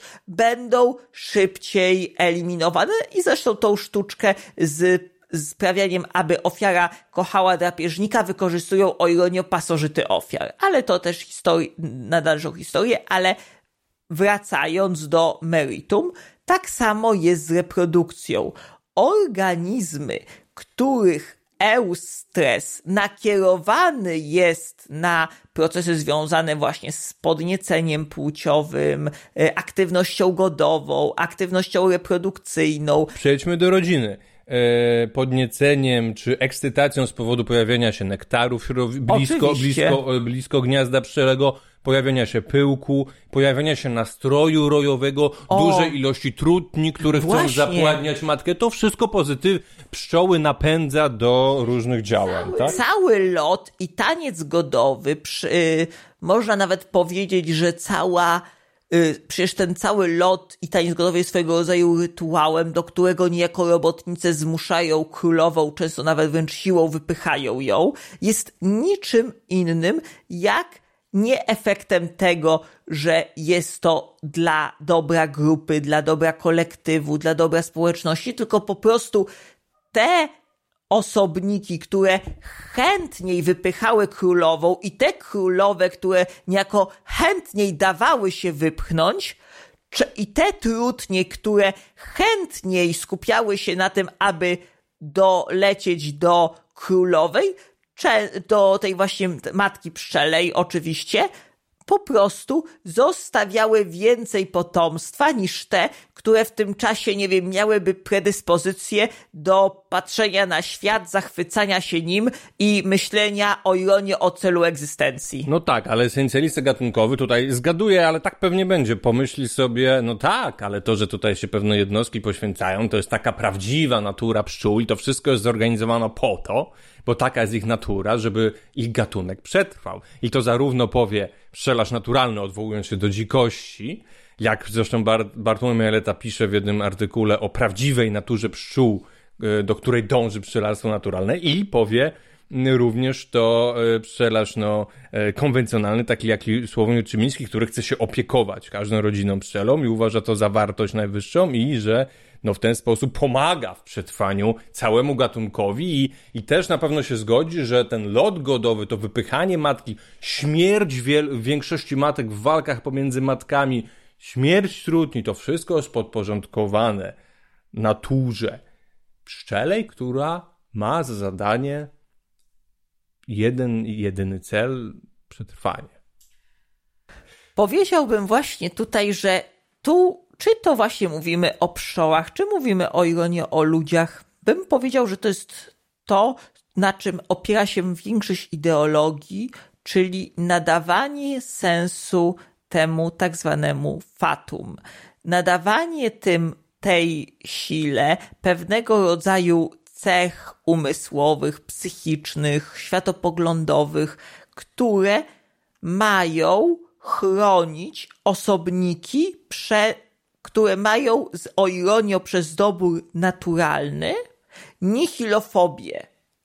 Dlaczego? Ponieważ te organizmy, które czuły większą samopresję, można powiedzieć, ponieważ osobnik, który jest nihilistyczny, ma często też problem z jakąkolwiek presją, ponieważ ani bodźce zewnętrzne, ani też często bodźce wewnętrzne nie przetwarzane są przez niego tak intensywnie, ponieważ jeżeli nic tak naprawdę nie jest kwestią życia i śmierci, bo wszystko na swój sposób jest względne, to system zarówno nagrody, jak i kary działają u takiego osobnika o wiele łagodniej, ale przez to jest znacznie mniej zmotywowany, ma znacznie mniejsze morale niż te osobniki, które są o wiele bardziej nakierowane na realizację konkretnych stresów i dystresów. I tutaj właśnie przychodzimy do kwestii tych pszczół. Jeżeli byśmy zaczęli robić dokładne badania, po prostu kole konkretnych robotnic, konkretnych matek, konkretnych grup w różnych częściach świata i zaczęli się bawić w metaanalizy, z łatwością zauważylibyśmy, jak wiele czy to właśnie trudni, matek, robotnic i jakkolwiek też kast tych robotnic jest mniej bądź bardziej obojętna na to, co poprawi bądź co pogorszy, czy to warunki w ulu, czy to warunki w ich środowisku, a już w ogóle nie mówiąc o jak, tak abstrakcyjnym pojęciu, jakim jest gatunek. Znaczy, moją tezą jest, co będę starał się wyjaśnić po tym, jak ty skończysz, że e, przetrwanie e, swojego gatunku pszczoły, jak i inne organizmy mają w nosie. Dokładnie. W ogóle jest to wy, wynalazek nasz, który... Dobrze, to już teraz powiem. Nawet na chwilę zapominając, że gatunek to jest po prostu tylko pewne uproszczenie ludzka szufladka, nie nadając te, temu żadnego umysłowego sensu, tylko po prostu czystych mechanizmy fizyczno-biologiczne, na tej zasadzie jak no po prostu temperatur, różna temperatura w tym samym naczyniu wody, wiadomo, że się będzie wyrównywała. Więc jak w jednym miejscu wlejesz trochę wrzątku, a woda jest zimna, no to, to, w, to w całym naczyniu wzrośnie, powiedzmy, za 10 minut będzie w całym naczyniu e, o ten 1% wyższa, Czyli można powiedzieć, że woda, do, można użyć takiego po prostu przy takiej przenośni, że woda y, o różnej temperaturze będzie dążyła do wyrównania tej wody. Ale nawet biorąc pod uwagę taki język, nie mamy tu z tym do czynienia. Absolutnie pszczoły i rodziny pszczele nie dążą do przetrwania gatunku, dlatego że, najprostszy przykład, jak wiadomo, matki się ze sobą walczą i może dojść do takiej sytuacji, że w, najczęściej jedna wygrywa, ale może dojść do takiej sytuacji, że dwie się uszkodzą i finalnie umrą albo przynajmniej nie będą stanie, y, będą nie nadające się dla przetrwania rodziny pszczelej, czyli po prostu na przykład matka będzie miała uszkodzone skrzydełko, najprostszy przypadek, e, nie będzie w stanie odbyć lotu godowego, nie będzie składała jaj zapłodnionych, nie będzie w stanie produkować robotnic, rój wymrze. E, no i teraz tak, załóżmy, że została mała liczba, załóżmy, że to, co aktualnie moim zdaniem nie jest możliwe, ale załóżmy, że no powstała e, taka niesprzyjająca sytuacja środowiskowa, że pszczoły miodne akurat, no akurat te pszczoły miodne, no ten gatunek, bo tak to jest tutaj ujęte esencjalistycznie, są na wyginięciu. Powstała, została bardzo niewielka populacja, została populacja faktycznie gdzieś tam e, e, utrzymywa, e, populacja tylko dwóch matek pszczelich. Ale udało, jest powiedzmy ostatnia rodzina pszczela. Udało się wyprodukować te dwie matki pszczele. Załóżmy, że, że mają tą wyimaginowaną pszczoły, tą nadzieję na utrzymanie swojego gatunku i co, dochodzi do walki matek, dwie się uszkadzają i gatunek ginie. Po prostu ich instynkt do walki jest silniejszy niż przetrwanie gatunków i to jest najprostszy przykład, że nie zachodzi tu coś takiego jak dążność wody do, e, do wyrównania o równej temperaturze do wyrównania temperatury. Zakładając, że w ogóle instynkt do przetrwania gatunku istnieje. Ale tu właśnie ten przykład dowodzi, że nie istnieje. Bardziej będzie instynkt do walki pomiędzy osobnikami. Chodzi o to, że konkurencja wewnątrzgatunkowa jest dokładnie taką samą konkurencją pomiędzy osobnikami jak międzygatunkowa. Dokładnie. Jeżeli będą, jeżeli będzie y, konflikt interesów podziale zasobów będą za małe zasoby do przetrwania, to i tak samo o niego organizmy z tego samego gatunku będą walczyły, jak i między gatunkami. Oczywiście. I pszczoły siebie rabują przecież, walczą. Cały czas. Zresztą tutaj pamiętajmy, że jeżeli właśnie mówimy o tym, kiedy, jak właśnie wspominałem, jeżeli zrobimy dokładne metaanalizy konkretnych rojów przez konkretne lata, zauważymy, że pojawia się cała masa dezerterów, oszustów, takich, które pozorantek. Dokładnie, tak. Yy, mrówki były chyba w ten sposób badane sztuczną inteligencją i wyszło, że są bardzo różne cechy charakterów poszczególnych robotników. Są, są i bardzo pracowite, i leniwe. Tak. Wbrew pozorom tego, co mówi, że, bo zawsze się tak mówi, że mrówki, pszczoły to takie super pracowite. Nie. Są osobniki takich u ludzi zróżnicowane, a całość się po prostu utrzymuje pomimo tych wad, bo ma, o czym już mówiliśmy, różne mechanizmy, aby sobie z tym radzić, a akurat presja środowiskowa jest taka, że, że te organizmy, które chcą bardziej współpracować, dzięki doborowi naturalnemu, akurat teraz mają większe szanse. Więcej, na przykład w przypadku termitów, o których opowiadałem, robotnik pracuje tym bardziej intensywnie, im bardziej ma kontakt z otaczającym go bądź zbliżającym się do niego y, żołnierzem im mniej, a konkretnie tak zwanym policjantem, żandarmerem, czyli tak zwanym yy, microsoldier, bo macrosoldier są na zewnątrz, a microsoldier to są właśnie do wewnątrz, to im wie mniej kontaktów, im rzadziej przechadza się żołnierz, tym powiedzmy, że wolą pracować, tak stereotypowo mówiąc, po włosku termity, a im więcej pojawia się żołnierzy, tym znacznie ich motywacja do pracy rośnie. A, czyli to taki, taki system troszeczkę zastraszania, tak? Oczywiście. Okej. Okay. Pilnowania, zastraszania. Dokładnie tak, tak jak i u ludzi. No. Dokładnie. I właśnie zresztą nie jest to dziwne, bo na przykład jeżeli popatrzymy na zachowania y, tak zwanych zwierząt czyszczących, które też tworzą bardzo złożone eusocjalne zbiorowości oparte na przykład na czyszczeniu innych zwierząt, na przykład czyszczące krewetki, czy czyszczące rybki, to też zauważymy, że w zależności od tego, czy osobnik, którego czyszczą akurat je widzi czy nie, są zdolne do mniej bądź bardziej aktywnej bądź leniwej pracy. I to też zawsze zależy od kwestii kontroli, więc nie jest to w żaden sposób jakaś idealistyczna cecha zaszczepiona w osobnikach. Nie. To, jakie cechy występują statystycznie, wynika z tego, jak były selekcjonowane oraz też zależy od tak zwanego cherry pickingu, czyli od tego, co osoby, które są zainteresowane przedstawieniem swojej wizji świata zauważą, ponieważ jeżeli prowadzą badania na pszczołach i zauważą konkretne zachowania u pszczół, to z wielką łatwością zaczną propagować te, które uważają za wartościowe, efektywnie pomijając te, które uważają za patologie, za jakieś abominacje. Ale Wspomniałeś o motywacji ludzkiej do zauważenia pewnych rzeczy, czy do selekcji raczej, czyli cherry picking, do selekcji tych zachowań, które są uważane za pożądane. No i właśnie tu możemy przejść do ostatniej tezy z tego dłuższego cytatu, czyli no do selekcji, które, e, do skłonności, które ma rolnik. Oczywiście, dlaczego? Bo jeżeli tu musimy przejść do tego, o czym ja często mówię, jeżeli chodzi o rewolucję neolityczną i rozwój szeroko rozumianego rolnictwa, hodowli, też potem nosiło rzeczy też pszczelarstwa, jeżeli przyjrzymy się na na istotę rewolucji neolitycznej, to było to nic innego jak przeniesienie myślenia narzędziowo-instrumentalnego na formy życia. I dlaczego to jest tak ważne? Narzędzia dawały przodkom, szczególnie łowcom, zbieraczom broń, tobołki i inne y, skóry były formą bogactwa, dawały gwarancję przetrwania.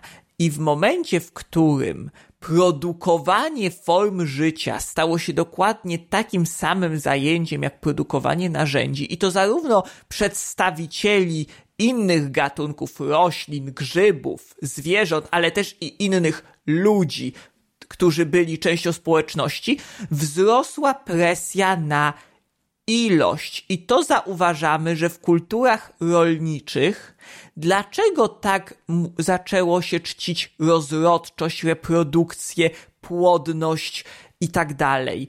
Ponieważ czym pojawiło się pojęcie zasobów ludzkich czy zasobów życia, żywego inwentarza.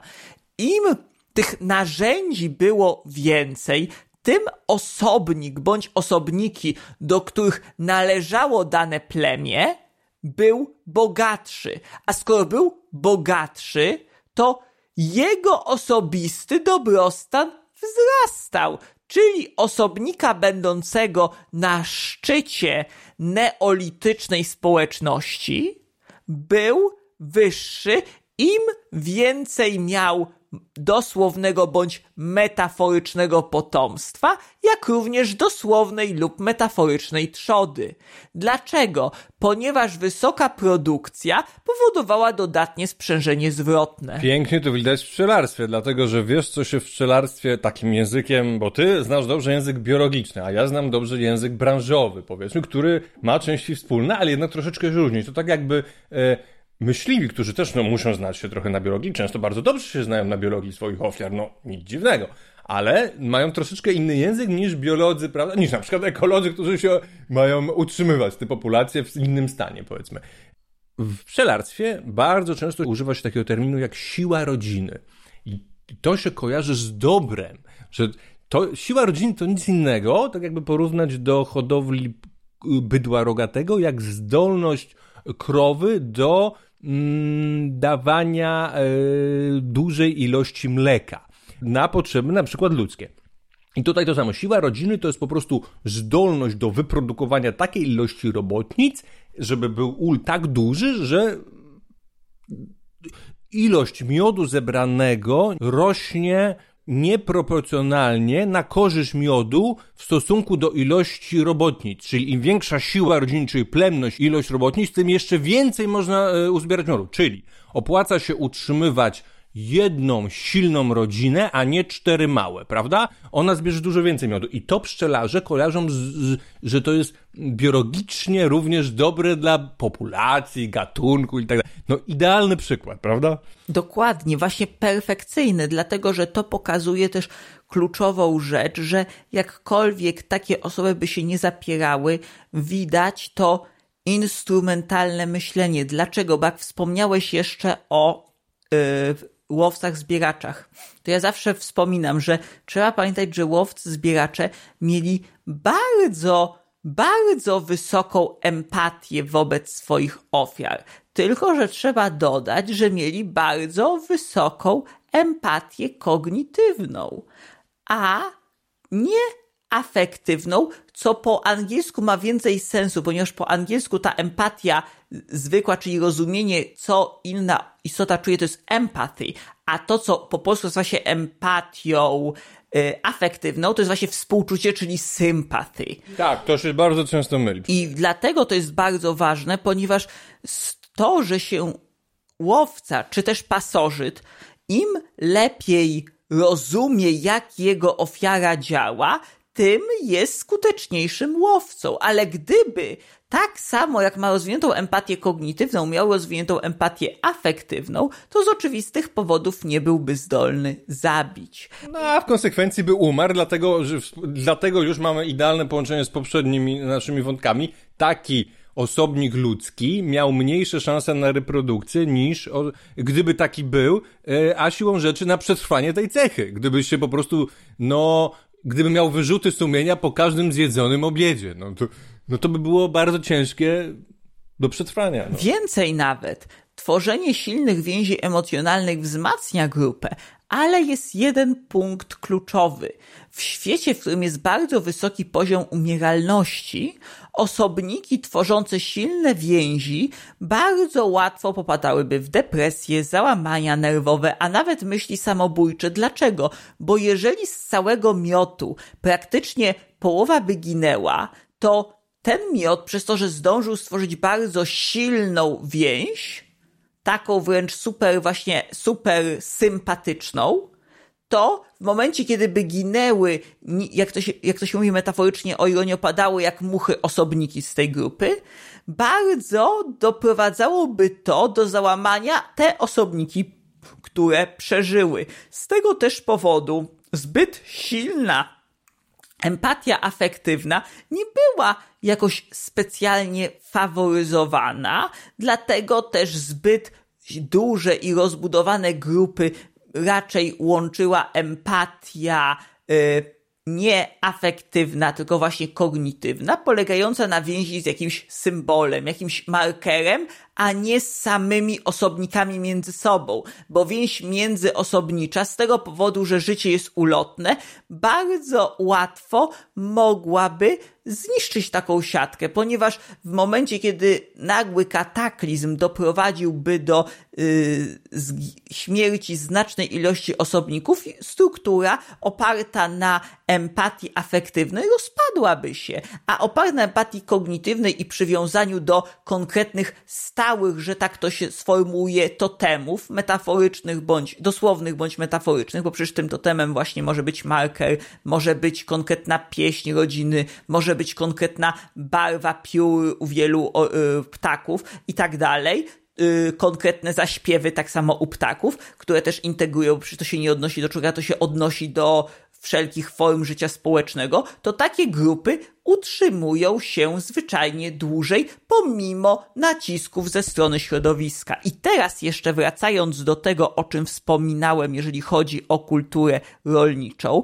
to to pięknie, to kolektywne podejście widać właśnie w rozwoju rolnictwa, ponieważ im więcej narzędzi, tym lepiej, ponieważ im masz większe bogactwo narzędzi, tym też masz więcej pokarmu, tym jesteś bardziej zabezpieczony, tym masz więcej środków, które w momencie, w którym dojdzie do katastrofy, pozwolą ci się odkuć, tym lepiej mieć ich więcej, ponieważ wtedy dany patriarcha grupy nie traktował tej grupy oraz swoich hodowli czy upraw jako podmiotowych istot, a raczej traktował jako potencjalne części zamienne. Również na sukces reprodukcyjny. Taki przykład mi się przypomniał z etnologii. Mianowicie na Wyspach Polinezyjskich, tam hodowano świnie, w kulturach powiedzmy takich no dość pierwotnych, e, na pograniczu zbieracko-łowieckich i już rolniczych, no bo hodowali świnie i tam po prostu polinezyjczyk mężczyzna, ilość posiadanych świń przekładała się na możliwość ilości posiadanych żon, a tym samym dzieci oczywiście. Po prostu yy, z tego co pamiętam było takie plemię, gdzie świnia i możliwość kupienia sobie żony przekładała się jeden do jednego. Bardzo prosto widać jak to wpływa na sukces produkcyjny, ilość posiadanych zasobów. Ja rozumiem twoja teza jest, że w tym momencie yy, zwierzęta hodowlane stają się narzędziami. Dokładnie, nie tylko same zwierzęta, ale też ludzie, co też warto zauważyć. Wszystkie organizmy, bo rośliny przecież też. grzyby też, tak, tak.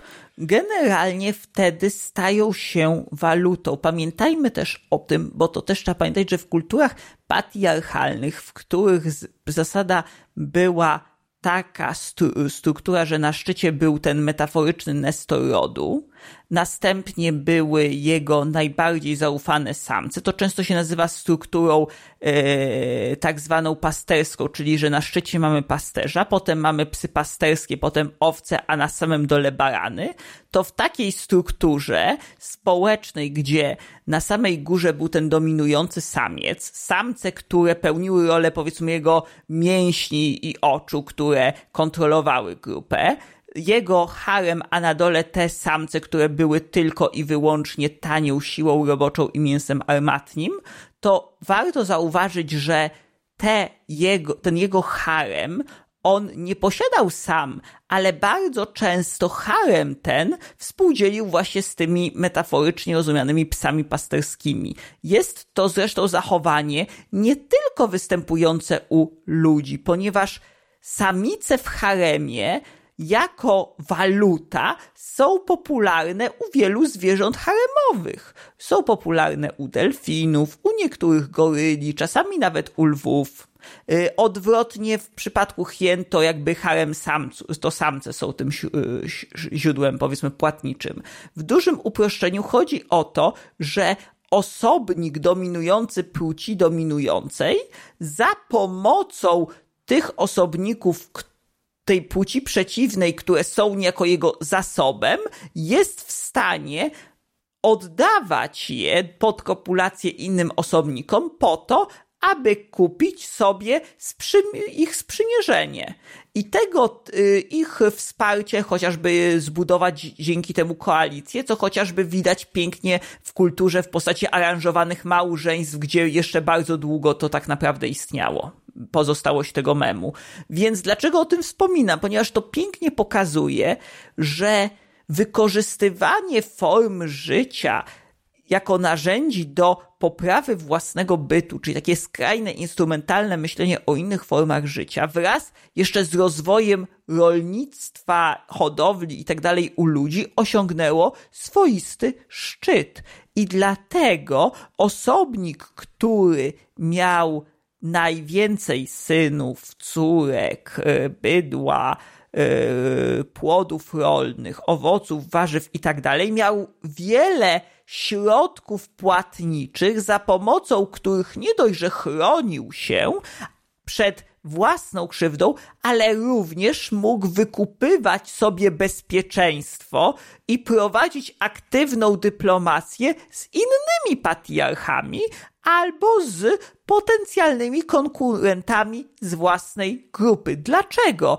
Bo w ten sposób ograniczał prawdopodobieństwo tego, że zostanie e, pokonany przez samca podległego z jego własnej, e, z jego własnej rodziny, rodu, plemienia, jakkolwiek nazwiemy, czy że zostanie zaatakowane obce plemię. Dlaczego? Bo poprzez na przykład małżeństwo, czyli wymianę córek i synów, albo właśnie wymianę zwierząt, czy też zapewnienie, y, udostępnienie części haremu osobnikom z własnej grupy, zapewniał sobie przetrwanie na własnym stanowisku, czyli im miał tego więcej, tym mógł też prowadzić liczniejsze podboje, mógł więcej ziemi pochłaniać. Dlaczego? Ponieważ owe owi ludzie, którzy do niego i zwierzęta i generalnie ten żywy inwentarz działał trochę jak takiego swojego rodzaju sztuczna inteligencja, jak autonomiczna fabryka. Nie musiał jej aktywnie konstruować, tak jak się konstruuje dom, jak się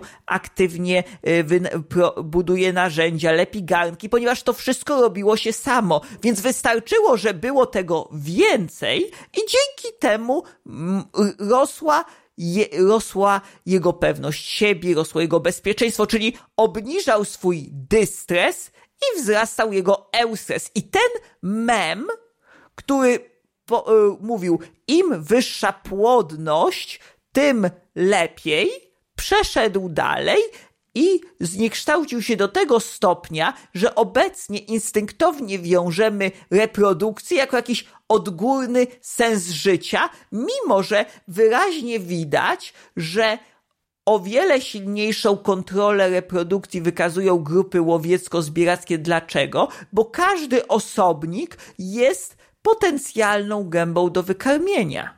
A w momencie, kiedy mamy stabilne źródło wzrastających zasobów, możemy zupełnie inaczej nimi rozporządzać.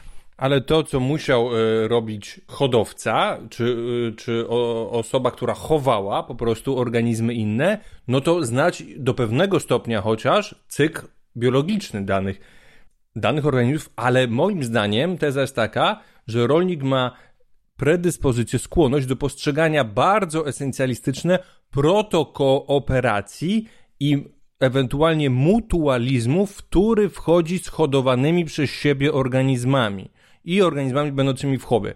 I to jest bardzo dobrze widać. Jeszcze raz to powtórzę, co, co e, pisze pan Sławomir Trzybiński. Pszczelarz dosyć duży.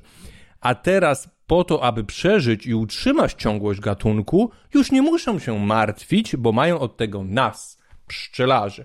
A my, znając ich cykl życiowy, pokierujemy ich rozwojem w najbardziej nietypowych warunkach. Czyli to trochę mówiłeś e, w odcinku o udomowieniu owadów, który nagraliśmy, do którego też Państwa serdecznie zapraszamy, siedząc w lesie przy mrowisku, że zarówno jest tendencja przez rolników do deontologicznego traktowania protokooperacji, czyli współpracy powiedzmy ewolucyjnej i mutualizmu, czyli jeszcze bardziej ścisłej współpracy ewolucyjnej, ekologicznej, w jakiej wchodzi się z tymi organizmami, bo rzeczywiście je się eksploatuje, ale je, im się też pomaga rozmnażać i te, te linie hodowlane, no pszczelarz niewątpliwie pomaga rozmnażać, bo, bo na przykład, wiesz jakim trikiem? Najprostszym? Chociażby oddziela e, w tak zwane lokówki, czyli w takie klateczki małe, te matki w jednym ulu, i, bo one by się wszystkie zwalczyły i by została tylko jedna, jakby na dziko, prawda, sobie egzystowała, a tak to z jednego ula jest w stanie wyprodukować 20-30 e, matek. i je rozmnożyć dany ul, więc tej rodzinie zapewnia lepszy fitness, po prostu przecież najlepszy sukces reprodukcyjny, więc niewątpliwie ewolucyjnie działa też na korzyść organizmów eksploatowanych, więc można powiedzieć, że to jest protokooperacja bardziej u dlatego że one nadal mogą żyć sobie samodzielnie, e, a mutualizm u takich zwierząt, które już to do pewnego stopnia utraciły. Natomiast y, jest to traktowane po prostu jakoś bardzo esencjalistycznie, deontologicznie, ale oczywiście w drugą stronę u pszczelarzy naturalnych i w ogóle u ludzi, którzy no, przesadnie traktują e, powiedzmy życie zgodnie z naturą jako dzikie życie, oczywiście łączy się to te pszczoły, które by zostały uwolnione od procesu powiedzmy czy hodowli, czy domestykacji jako ich wybawienie, prawdziwą naturę. Oba, prawda, my uznajemy tutaj, staramy się to Państwu wytłumaczyć, że oba te poglądy, choć przeciwstawne, są naprawdę z punktu widzenia nauk biologicznych fałszywe po prostu. Oczywiście. Nawet nie tyle, że fałszywe, tylko troszeczkę bezsensowne. Wewnętrznie sprzeczne. Dlatego, że jeżeli się wyraźnie temu przybliżymy, to zauważymy, że y, w momencie, kiedy mówimy o tym, że teoretycznie im pomagamy, to oczywiście to nie jest Ale tak, gatunkowi, że... żeby nie było. Gatunkowi, to właśnie jest to swojego rodzaju też częściowe usprawiedliwianie, takie siebie wybielanie trochę, ponieważ jest to taka próba pokazania, że te narzędzia, którymi one w zasadzie są, kiedy ktoś kwestii- zaczyna zastanawiać się nad ich podmiotowością, to bardzo szybko jest to zbicie argumentu, że są tak podmiotowe, to nie jest tak, że one tylko są eksploatowane, one też coś z tego mają. Pamiętajmy, że przecież to nie odnosi się tylko do samych zwierząt. Argumenty te były fundamentem wszelkich systemów feudalnych. W systemach feudalnych z założenia, zaczynając od Sumeru, przez Egipt, zawsze było powiedziane, że te kasty wyższe sprawują boską opiekę nad rolnikami i robotnikami. To nie było tak. I nad chłopami wtedy, kiedy mówimy tak, o feudali. Konkretnie feudali. chłopami i też właśnie mieszczaństwo, jak to szło cał, cały czas w górę. Nie było to tak, że ci yy, królowie, rycerze, właśnie wcześniej jeszcze właśnie byli yy, kapłani, że oni żerowali na nich. Nie. Oni w zamian za to, że ci dla nich pracowali i się nimi opiekowali, ci zapewniali im bezpieczeństwo albo w tym życiu, albo w życiu wiecznym. Albo na przykład modlili się do bogów, żeby były pomyślne zbiory, albo ich leczyli yy, z chorób, odpędzali demony. W każdym razie było to wyraźnie wspomniane, że to nie założenia feudalizm nigdy nie był stricte niewolnictwem, tylko był formą opieki. Zresztą ta tak zwane opiekowanie się yy, poprzez pewnego rodzaju ograniczanie wolności jest integralnym elementem hodowli. Dlaczego? Bo jeżeli hodujemy organizmy, to hodujemy je w taki sposób, aby były coraz mniej samodzielne, a jednocześnie coraz bardziej kojarzące w sposób eustresowy swojego właściciela. Dlaczego? Coraz bardziej oswojone, aż w końcu wchodzi to do genów, ta selekcja. Oczywiście, y, to ma duże znaczenie na przykład też etyczne, dlatego że czym innym jest hodowla powiedzmy w zamknięciu, w ograniczeniu wolności zwierzęcia już, y, gdzie sukces domestykacji się dokonał, oczywiście wiadomo, że to jest pewien, pewne spektrum, jak każdy proces ewolucyjny, ale takie zwierzę może się czuć dobrze, mając ograniczoną wolność, a zwierzę dzi całkowicie dzikie utrzymywane w cyrku będzie tylko oswojone za pomocą bata i strachu. Więc y, oczywiście u owadów to jest bardziej może niuansowe i szczególnie u pszczół, które no udomowione w pełni, jeśli w ogóle, tu już kiedyś też nagrywaliśmy tak. o, o tym, nie są, natomiast ewidentnie hodowcy starają się wyhodować, co oczywiście zrozumiałe i oczywiste, linie pszczół łagodne dla siebie, które ich mniej żądą. I tutaj sukces został osiągnięty. Ja ci y, informuję cię, że, że linie pszczół kontrolowane i hodowlane w zamkniętych hodowlach zdecydowanie mają średnio niższą łagodność niż powiedzmy jakieś roje żyjące na dziko, prawda? No nie jest to nic dziwnego. Trudno, żeby hodowca y, i pszczela sam, sam chciał sobie rob, y, hodować zwierzęta celowo, które go zaczynają atakować. Oczywiście hoduje takie organizmy, które właśnie tu jest kluczowa słowo klucz użyteczność, które są efektywniejszymi narzędziami. Im jako właśnie narzędzie i źródło konkretnych zasobów. W tym przypadku źródło miodu, wosku pszczelego, w przypadku innych zwierząt mleka, jajek, skóry, piór, konkretnych leków.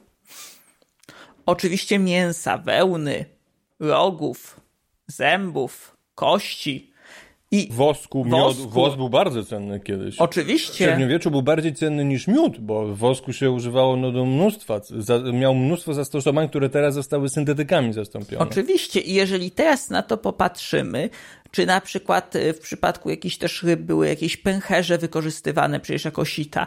Jeżeli na to popatrzymy, zdamy sobie sprawę, że tak naprawdę, tak jak ja mówię zawsze, biotechnologia jest stara jak życie aż, a w przypadku ludzi jej olbrzymi boost i wzmocnienie nastąpiło właśnie w trakcie rewolucji neolitycznej i z tego też powodu posiadanie biologicznych narzędzi zwiększało status. Im miałeś więcej, tym miałeś wyższy status, a wyższy status wiązał się z mniejszą ilością niekorzystnych stresorów, a większą ilością korzystnych stresorów.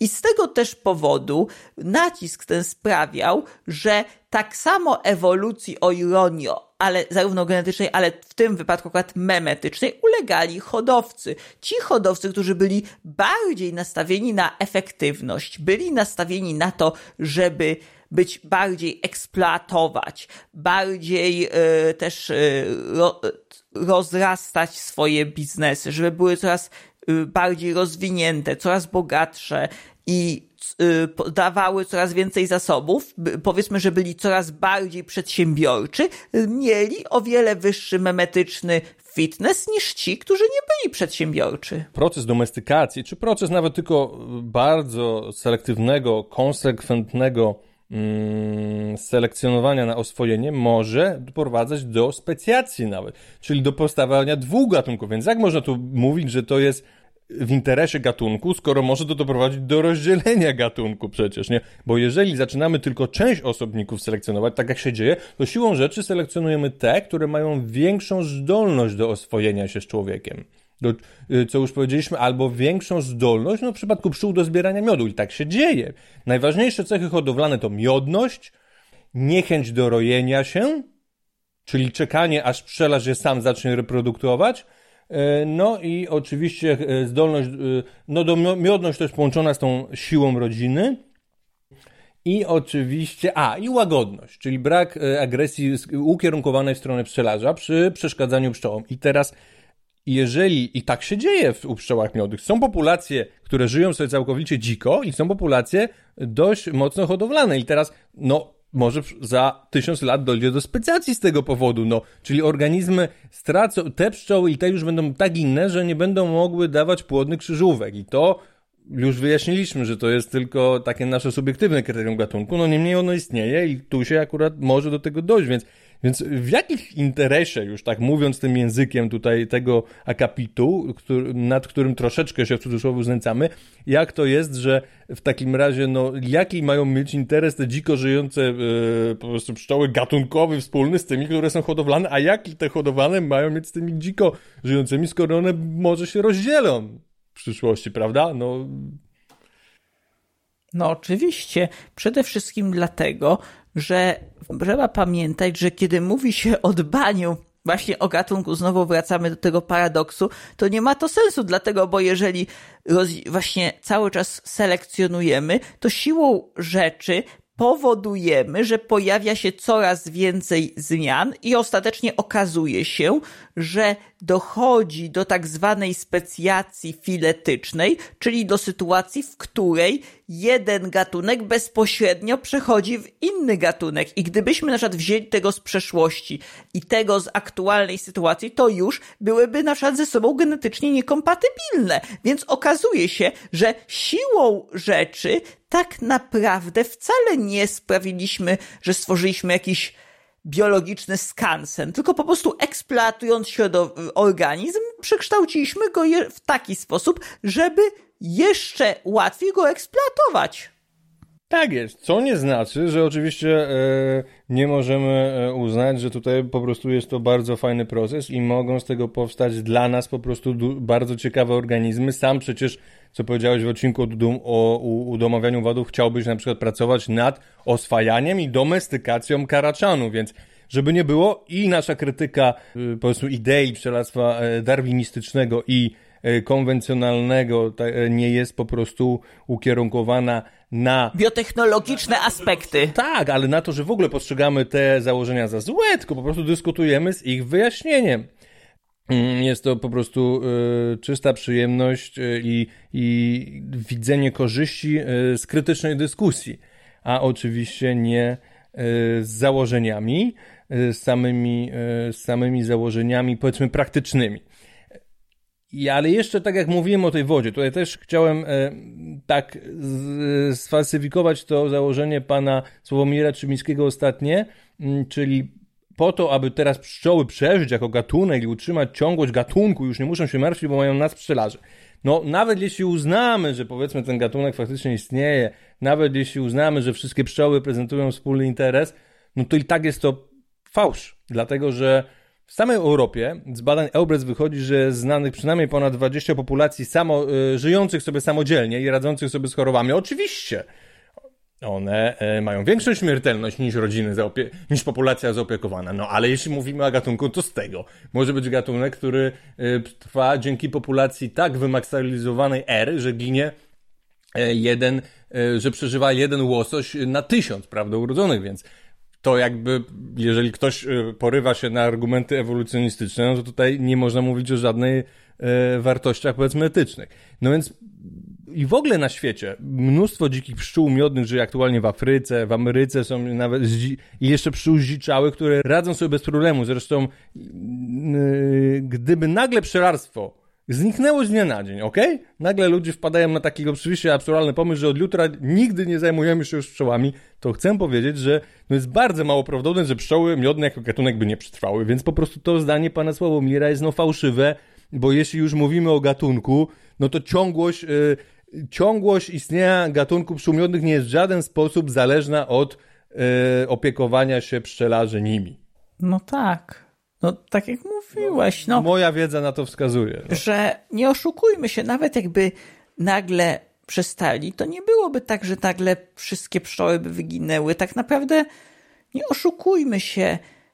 Nam się wydaje, że, że, jest, że jakieś konkretne formy życia są jakieś kluczowe. Często nawet się mówi, że są to tak zwane organizmy łącznikowe, czyli te, które utrzymują ekosystemy w równowadze i teoretycznie ma to sens, ale tylko i wyłącznie jak patrzymy na to nie z perspektywy biologicznej, tylko bardziej z perspektywy naszej utylitarno-estetycznej, że dana wizja jest dla nas elegancka, bo mamy konkretnych producentów, mamy konkretnych konsumentów, drugie, potem pierwsze, drugiego rzędu, trzeciego rzędu, właśnie szczytowego, destruentów i mamy pewien piękny, zamknięty świat, trochę niczym jak są takie zabawki, gdzie mamy śnieżną kulę, którą możemy potrząsać, w środku mamy jakieś yy, budyneczki i możemy patrzeć jak śnieżek pada i mniej więcej w to... każde organizmy mają swoją rolę.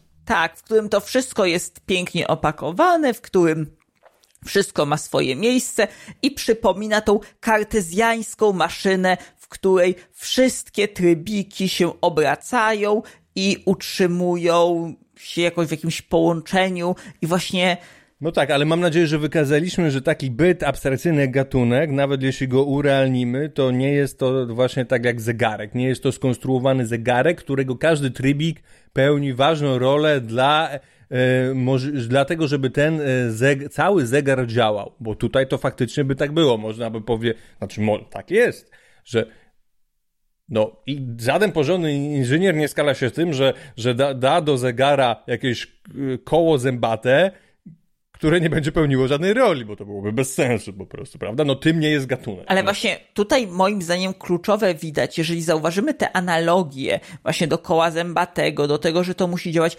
pięknie tu widać tą kluczowość podejścia neolitycznego, kiedy te organizmy nie są po prostu po to, żeby po nic, no po prostu dlatego są, bo na pod, z powodów praw fizyki pojawiły się utrzymują homeostazę, dążą do eustresu, redukują dystres i po prostu są. Nie.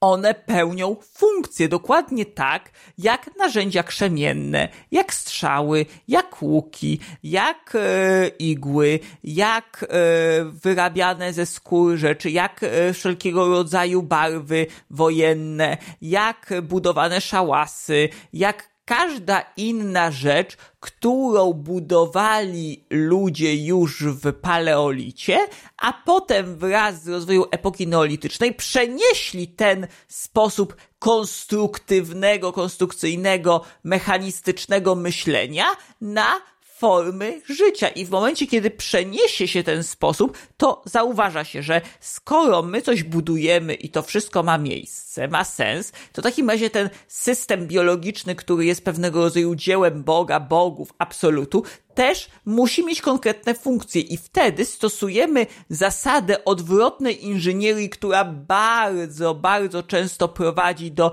olbrzymich błędów czy zniekształceń poznawczych. Dlaczego? Ponieważ stosując zasadę odwrotnej inżynierii, próbujemy nie wiedząc jaką coś ma funkcję, drogą prób i błędów dochodzić jaką to funkcję może mieć. I tu zakładamy a priori, ad hoc, że to ma jakąś funkcję. A może nie mieć a może nie mieć. I w momencie, kiedy zakładamy, że coś ma jakąś funkcję w ekosystemie, w ciele, y, w jakiejś strukturze, właśnie w biosferze, to z założenia patrzymy na nią jak na pewien projekt, a nie jak na proces, który po prostu zachodzi na naszych oczach. Jasne.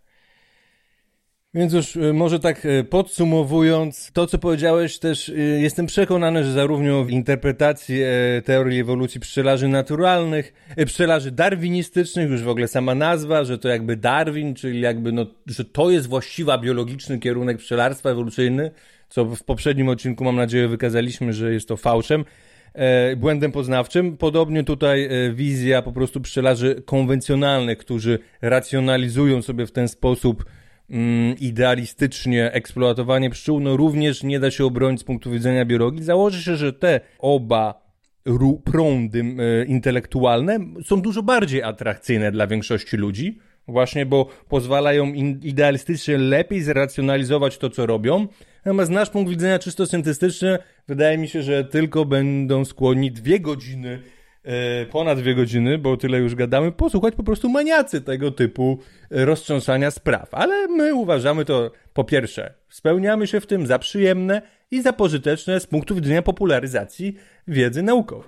Wiedzy naukowej, czyli tego, co moim zdaniem jest jeszcze na koniec, dodam kluczowe, czegoś, co jest procesem, a nie stanem, ponieważ sama w sobie nauka jest pewnego rodzaju sztuką zdobywania informacji o świecie, a nie wiedzą samą w sobie, bo wiedza sama w sobie jest tylko i wyłącznie czymś, co gromadzimy, a jednocześnie nauka w swoim rdzeniu ma to, że jest, powinna być w każdym razie sceptyczna i w równym stopniu zdystansowana emocjonalnie zarówno do tego, czego jeszcze nie wiemy, czyli tego, co jest najnowsze, jak i do tego, co wydaje nam się, że wiemy.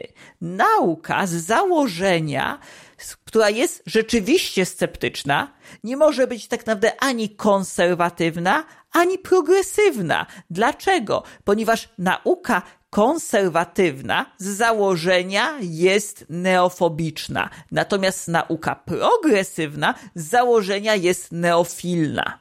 problem polega na tym, że wtedy wyznaczamy już pewien metafizyczny cel, o ironii o tej nauki, podczas kiedy nauka jest po prostu nie celem, jest do osiągnięcia czegoś, jest pewnego rodzaju formą, może się teraz ktoś obrazi, jak to powiem, ale rozrywki, formą spędzania aktywnego czasu, formą ćwiczenia swoich zdolności kognitywnych poprzez zaspokajanie równocześnie potrzeby orientacji i potrzeby odpoczynku, ponieważ organizm, który w danym momencie nie musi zużywać energii na przetrwanie, na pozostanie przy życiu i ucieczkę przed dystresem, może poświęcić się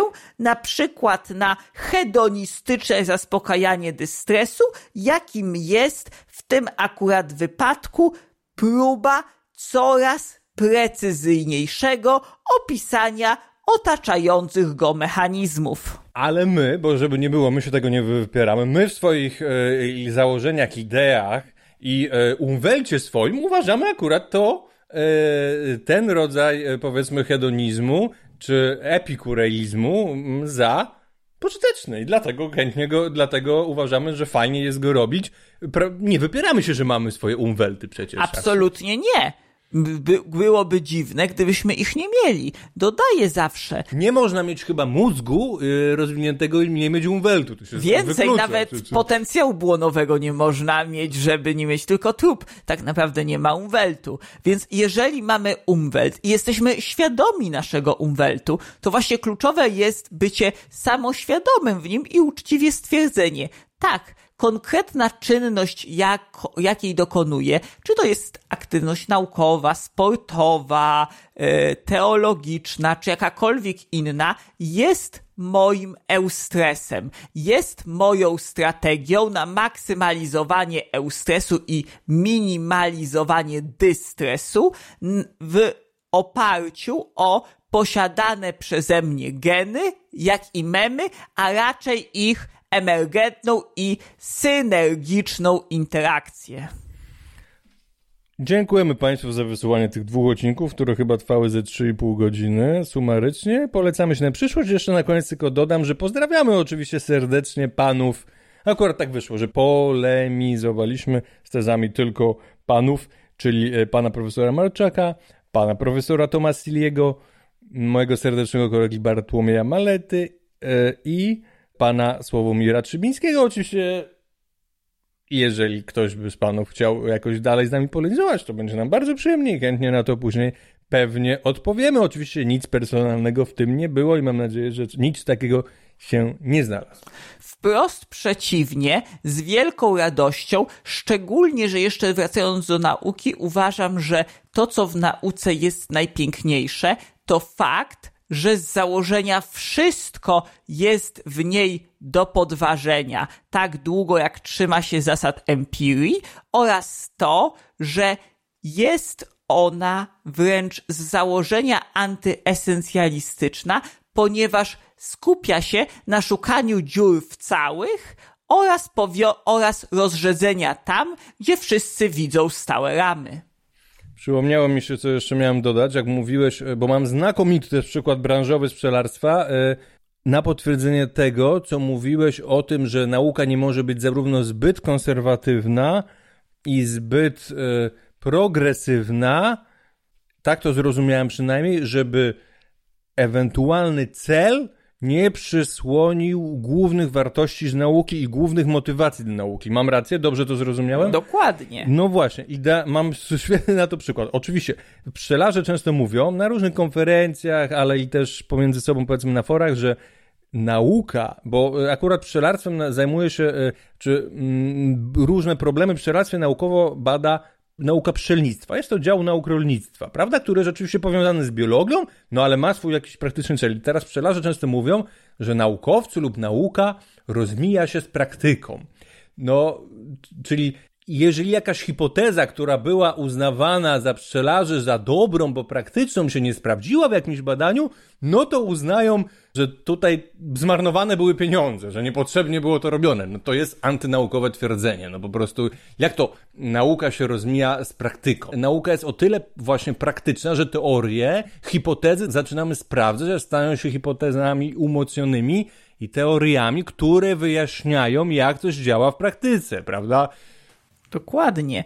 Trzeba pamiętać, że właśnie nauka nie jest czymś, co służy do realizacji celu. I tu jeszcze dodam to, o czym często wspominam, czy to pisząc właśnie, czy w innych podcastach, żeby nie mylić nauki z technologią, ponieważ technologia jest to praktyczne zastosowanie posiadanej wiedzy, które oczywiście może, ale nie musi opierać się w żaden sposób na metodologii naukowej, ponieważ może się opierać na tradycji, na okultyzmie, magii, ponieważ opiera się wtedy nie na zweryfikowanej wiedzy, a na intuicji, przesłankach, nieprecyzyjnej wiedzy, która oczywiście jak najbardziej może być empirycznie potwierdzona, co najwyżej może być o wiele na przykład bardziej ograniczona ze względu na mniejszą ilość posiadanej wiedzy o środowisku, ale nie oznacza to, że w wielu środowiskach, szczególnie oportunistycznych, nie jest zupełnie wystarczająca. I też zakończę to już przykładem najprostszym, yy, właśnie hodowla. Hodowla może być i yy, na podstawach naukowych przeprowadzona, a i na podstawach tradycyjnych lub tak zwanej e, nauki e, z mistrza naucznej. Tak była przez tysiące lat właśnie wykonywana u ludzi hodowla. Przecież można intuicyjnie wybierać organizmy, które wydają nam się bardziej użyteczne, żeby je szczególnie rozmnażać. Tu właśnie dodam też coś, co kiedyś napisałem, że gdybym miał zdefiniować magię, to bym powiedział, że magia to technologia pozbawiona metodologii naukowej. Jeżeli wykorzystujemy technologię, która właśnie na drodze rytuałów, na drodze przekazu mistrza na ucznia, na drodze pewnego rodzaju memów kulturowych jest przekazywana, mamy do czynienia często z czymś, co możemy określić słowem magia. I to może się, nie musi, ale może się również sprawdzać. Oczywiście. Czasami jest to nawet jeszcze prostsze, czyli zupełnie instynktowne, no bo do hodowli z, y, użytecznych zwierząt, ale nawet i roślin, tylko że w innym trochę sensie, no, nie, no instynktownie wybieramy łagodniejsze zwierzęta. No trudno oczekiwać, chociaż są takie osobniki, ale tak jak powiedziałeś, no, a naturalnie, dzięki doborowi naturalnemu jest ich mniejszość, no trudno oczekiwać, że ktoś będzie masochistą i celowo będzie wybierał zwierzę, które chce się na niego rzucić za to, że ma ograniczoną swobodę e, i się gorzej czuje. No ale z roślinami jest to samo, tylko że na innym trochę poziomie bo można powiedzieć, że rośliny też mają swoją agresję, no trudno, żeby wybierać te rośliny, które będą miały więcej trujących substancji, co będzie doświadczalnie sprawdzone, e, w tym sensie powiedzmy, no nie naukowym, ale że po prostu bardzo dużo dzieci na przykład będzie umierało, jak zjedzą daną roślinę, da się to powiedzmy nie naukowo wydedukować, prawda, mm, doświadczalnie, z pokolenia na pokolenie, ale nawet nie tylko. Po prostu, no jeżeli ktoś hoduje jakieś rośliny dla piękna, no to trudno, żeby wybierał y, brzydsze rośliny, prawda? Według jego oczywiście subiektywnego wrażenia, albo jakieś rośliny, które tryskają, y, no można powiedzieć, że to jest rodzaj autoagresji, tryskają trującymi substancjami na hodowcę. No automatycznie będzie dokonywał tutaj z siłą rzeczy selekcji, domestykacji. Albo na przykład roślin, które, najprostszy moim zdaniem przykład, mają tak zbudowany organizm, że praktycznie większość z biomasy, którą zawierają, jest dla hodowcy nieprzyswajalna. Ponieważ jeżeli jest ona dla niego bezużyteczna, czy to właśnie w formie pożywienia, czy też w formie na przykład narzędzia, to z siłą rzeczy yy, taki hodowca szybko by, rolnik, szybko by został wyparty przez rolnika, który bardziej efektywnie zarządza plonami. Z dokonałby się dobór naturalny, można powiedzieć. Oczywiście. Radio Barroza. Dobra, także kończymy. Dziękujemy Państwu. Do następnego naszego odcinka. Do następnego.